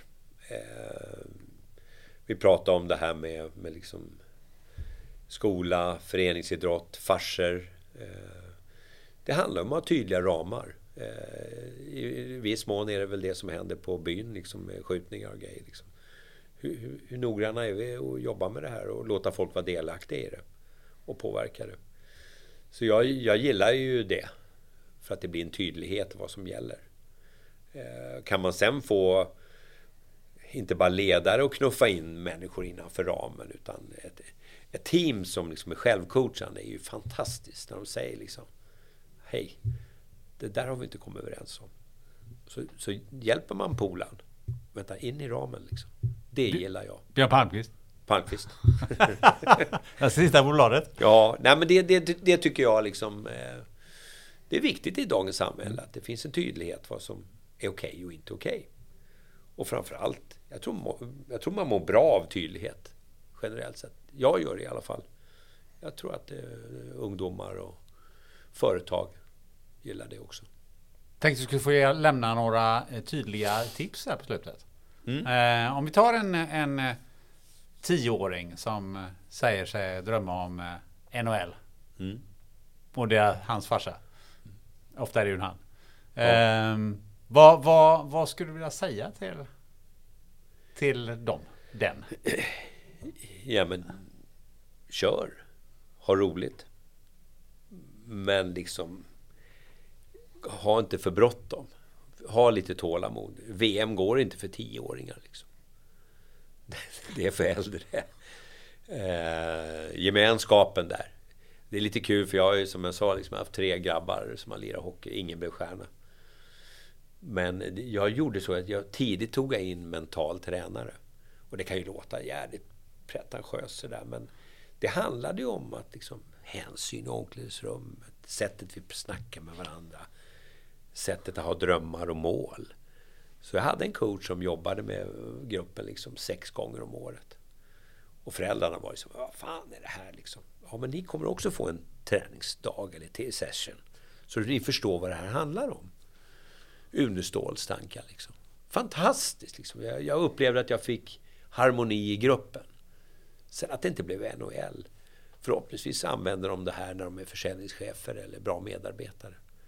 Men jag tror på det här eh, mentala och tydlighet i vad som gäller. Om vi tar en 20-åring då som liksom har passerat TV-pucken och lite till då och, och, börjar ju känna att man är, man är någonstans där uppe och närmar sig kanske eh, SHL eller mm. spelar i, i Allsvenskan och fortfarande tänker att ja, men jag kan nog ta mig till NHL. Och då tror jag man kommer till egentligen det som man kanske gör efter karriären försök att ha självinsikten. Liksom. Vad, vad är det? Vem är jag? Och vad krävs för att jag ska ta det här steget? Sen gäller det ju någonstans, nu blir det ju lätt att ja, nu är det Växjö som hör av sig. Det är en jävla bra klubb. Titta på ledarskapet. Välj ledare som kan ta dig i de där stegen. Så att syna ledarskapet, det tycker jag är jävligt viktigt. Det är lite som i företagande också. Det är, ja, det är välj absolut. din chef. Jag håller med. Välj din chef. Var noggrann. Var inte bara tacksam när du ska få jobbet. Utan liksom, vad står ledaren för? Hon eller han? Det, det, är ju helt avgörande. Jag faktiskt på vägen hit så pratade med en kille som eh, jag har jobbat med i ett stort bolag. Så han bytt till ett annat bolag. Så, eh, så han har rekommenderat oss för sin nya chef. Jättekul. Så jag pratade med honom och sa tack, vad, vad snäll du var liksom. Men vet du hur kul jag har på jobbet? Ja, vad då? då? Ja, med min nya chef. Han är ju helt fantastisk. Och vi pratar om grejer som jag aldrig pratat med mina ledare om. Så han bara liksom, "Ja, jag har så jävla roligt. För att han stimulerar mig liksom. Så att, att hitta och få ha en del av en bra ledare, det är ju en unnest alltså. Så var noggrann när du väljer. Och så har vi en 30-åring eh, slutligen. Vi har ju varit inne på det. Du var ju Mm. inte ens 30 när du, när du la av. Men eh, man behöver inte lägga av när man är 30. Nej. Men någonstans så börjar ju eh, ändå eh, kustlinjen skönjas. Eh, vad, vad, Var lite nyfiken på dig själv liksom. Försök att hitta vad kan min nästa kompassriktning vara. En del är ju rädda att göra det här. ja. Jag vet det liksom. För att då tycker de så här, "Jag tappar fokus för min prestation liksom. Jag tror inte liksom. Men att börja tänka tanken vad jag ska ta vägen. Och framförallt vad, jag, vad skulle jag vilja göra? Börja där innan man begränsar sig.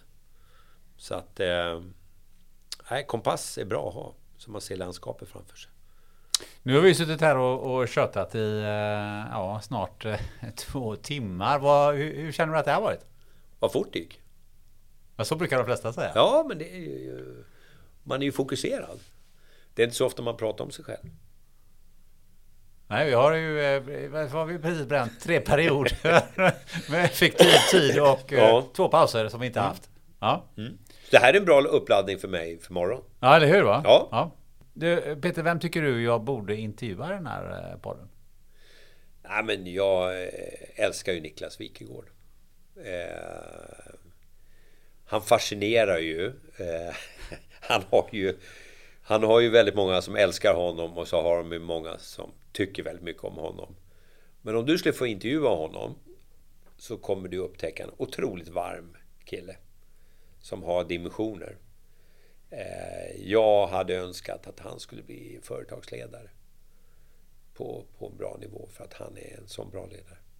Mm. Det känns ju lite med tanke på det vi har sagt att det inte är helt omöjligt att kanske du kan hjälpa mig i den, Nej. i den eh, Hemskt gärna. frågan. Hemskt gärna. Eh, en sista fråga är då om det är någon som blivit intresserad. Eh, Peter kanske kan hjälpa oss som har lite, är lite för snälla i vår organisation. Eller vad det nu må vara. Eller om det är en idrottare som känner att här behöver jag hjälp. Jag har precis slutat.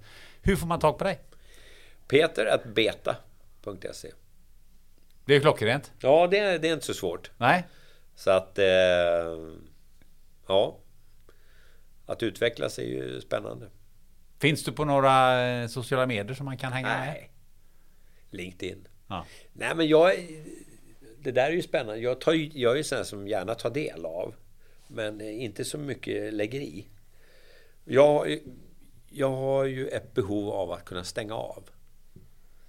Jag, generellt sett tillbaka, liksom, man är förbundskapten och allt det här. Liksom, då lever man jävligt hektiskt. Och har väl gjort det liksom även som företagare. Så jag, jag känner mer och mer och sådär. Nej, men nu stänger vi av. Nu lägger vi undan telefonen. Det, det har blivit en sån här grej. Man kommer till helgen. Min fru är otroligt effektiv och så här. Så går hon mellan A och B så kan hon göra fyra grejer liksom. Och jag säger, men det räcker inte att göra en. Liksom. Att bara vara. Eh, finns ett större behov av också. Vi har ju inte pratat om att du var eh, också var faktiskt engagerad i Tre Kronor som, som ledare. Men det känns som att då, det får vi ta i en annan eh, podd. Men jag måste bara få tillägga då. Ja. Eftersom jag är i Göteborg. Ja. Den häftigaste killen som jag hade med att göra var Alfredsson. Daniel Alfredsson. Fantastisk person. Han gillar jag. Det var han och eh, sen framförallt var etta och sen hade jag Marcus Näslund vid något tillfälle. Men, men eh, Alfredsson gillar. Han har en dimension som person som jag gillar. Honom kanske vi också ska... ja, nej, Ja. Det känns som att vi har ett och annat att snacka om mer. Men jag tycker att eh, personligen att, att eh, vi kom ganska långt och eh, gjorde en del eh, skär eh, till höger och vänster som, som vi känner var... Ska jag ge det sista tipset då? Ja, absolut. Som en devis som jag har använt. Om man tänker sig att man är företagare. Affärer är en lagsport. Affärer är en lagsport. Det får vara slutordet Ja. i det här. Peter Wallin, stort tack för att du tog den här tiden. Tack så mycket. Du har lyssnat till det 150 avsnittet av podden Spännande möten med mig Gunnar Österreich. Gillar du podden och vill vara en del av framgången? Ja, du gör du som Lena och flera andra. Du swishar valfritt belopp till 123 611 4680. Numret och andra sätt att sponsra podden hittar du på spannandemoten.se. I nästa avsnitt får du träffa David Björnelo som grundade demokratieventet Frihamnsdagarna, men som också senaste månaden hamnat i en mediestorm. Missa inte det! Tills dess så vet du vad du gör. Du sätter dig med en vän, du tar något gött att dricka och diskuterar vad du skulle vilja fråga en politiker. Ha det gött!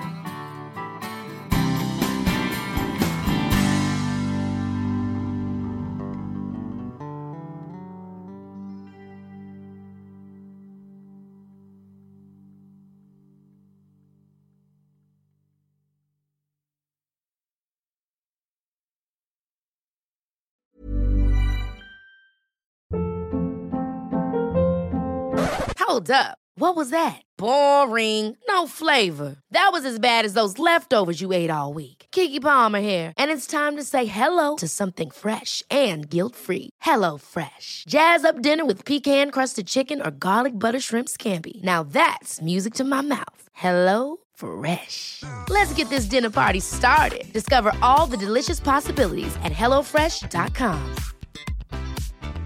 Planning for your next trip?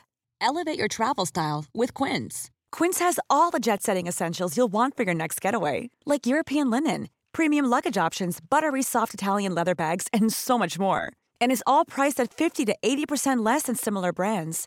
Plus, Quince only works with factories that use safe and ethical manufacturing practices. Pack your bags with high-quality essentials you'll be wearing for vacations to come with Quince. Go to quince.com/pack for free shipping and 365-day returns.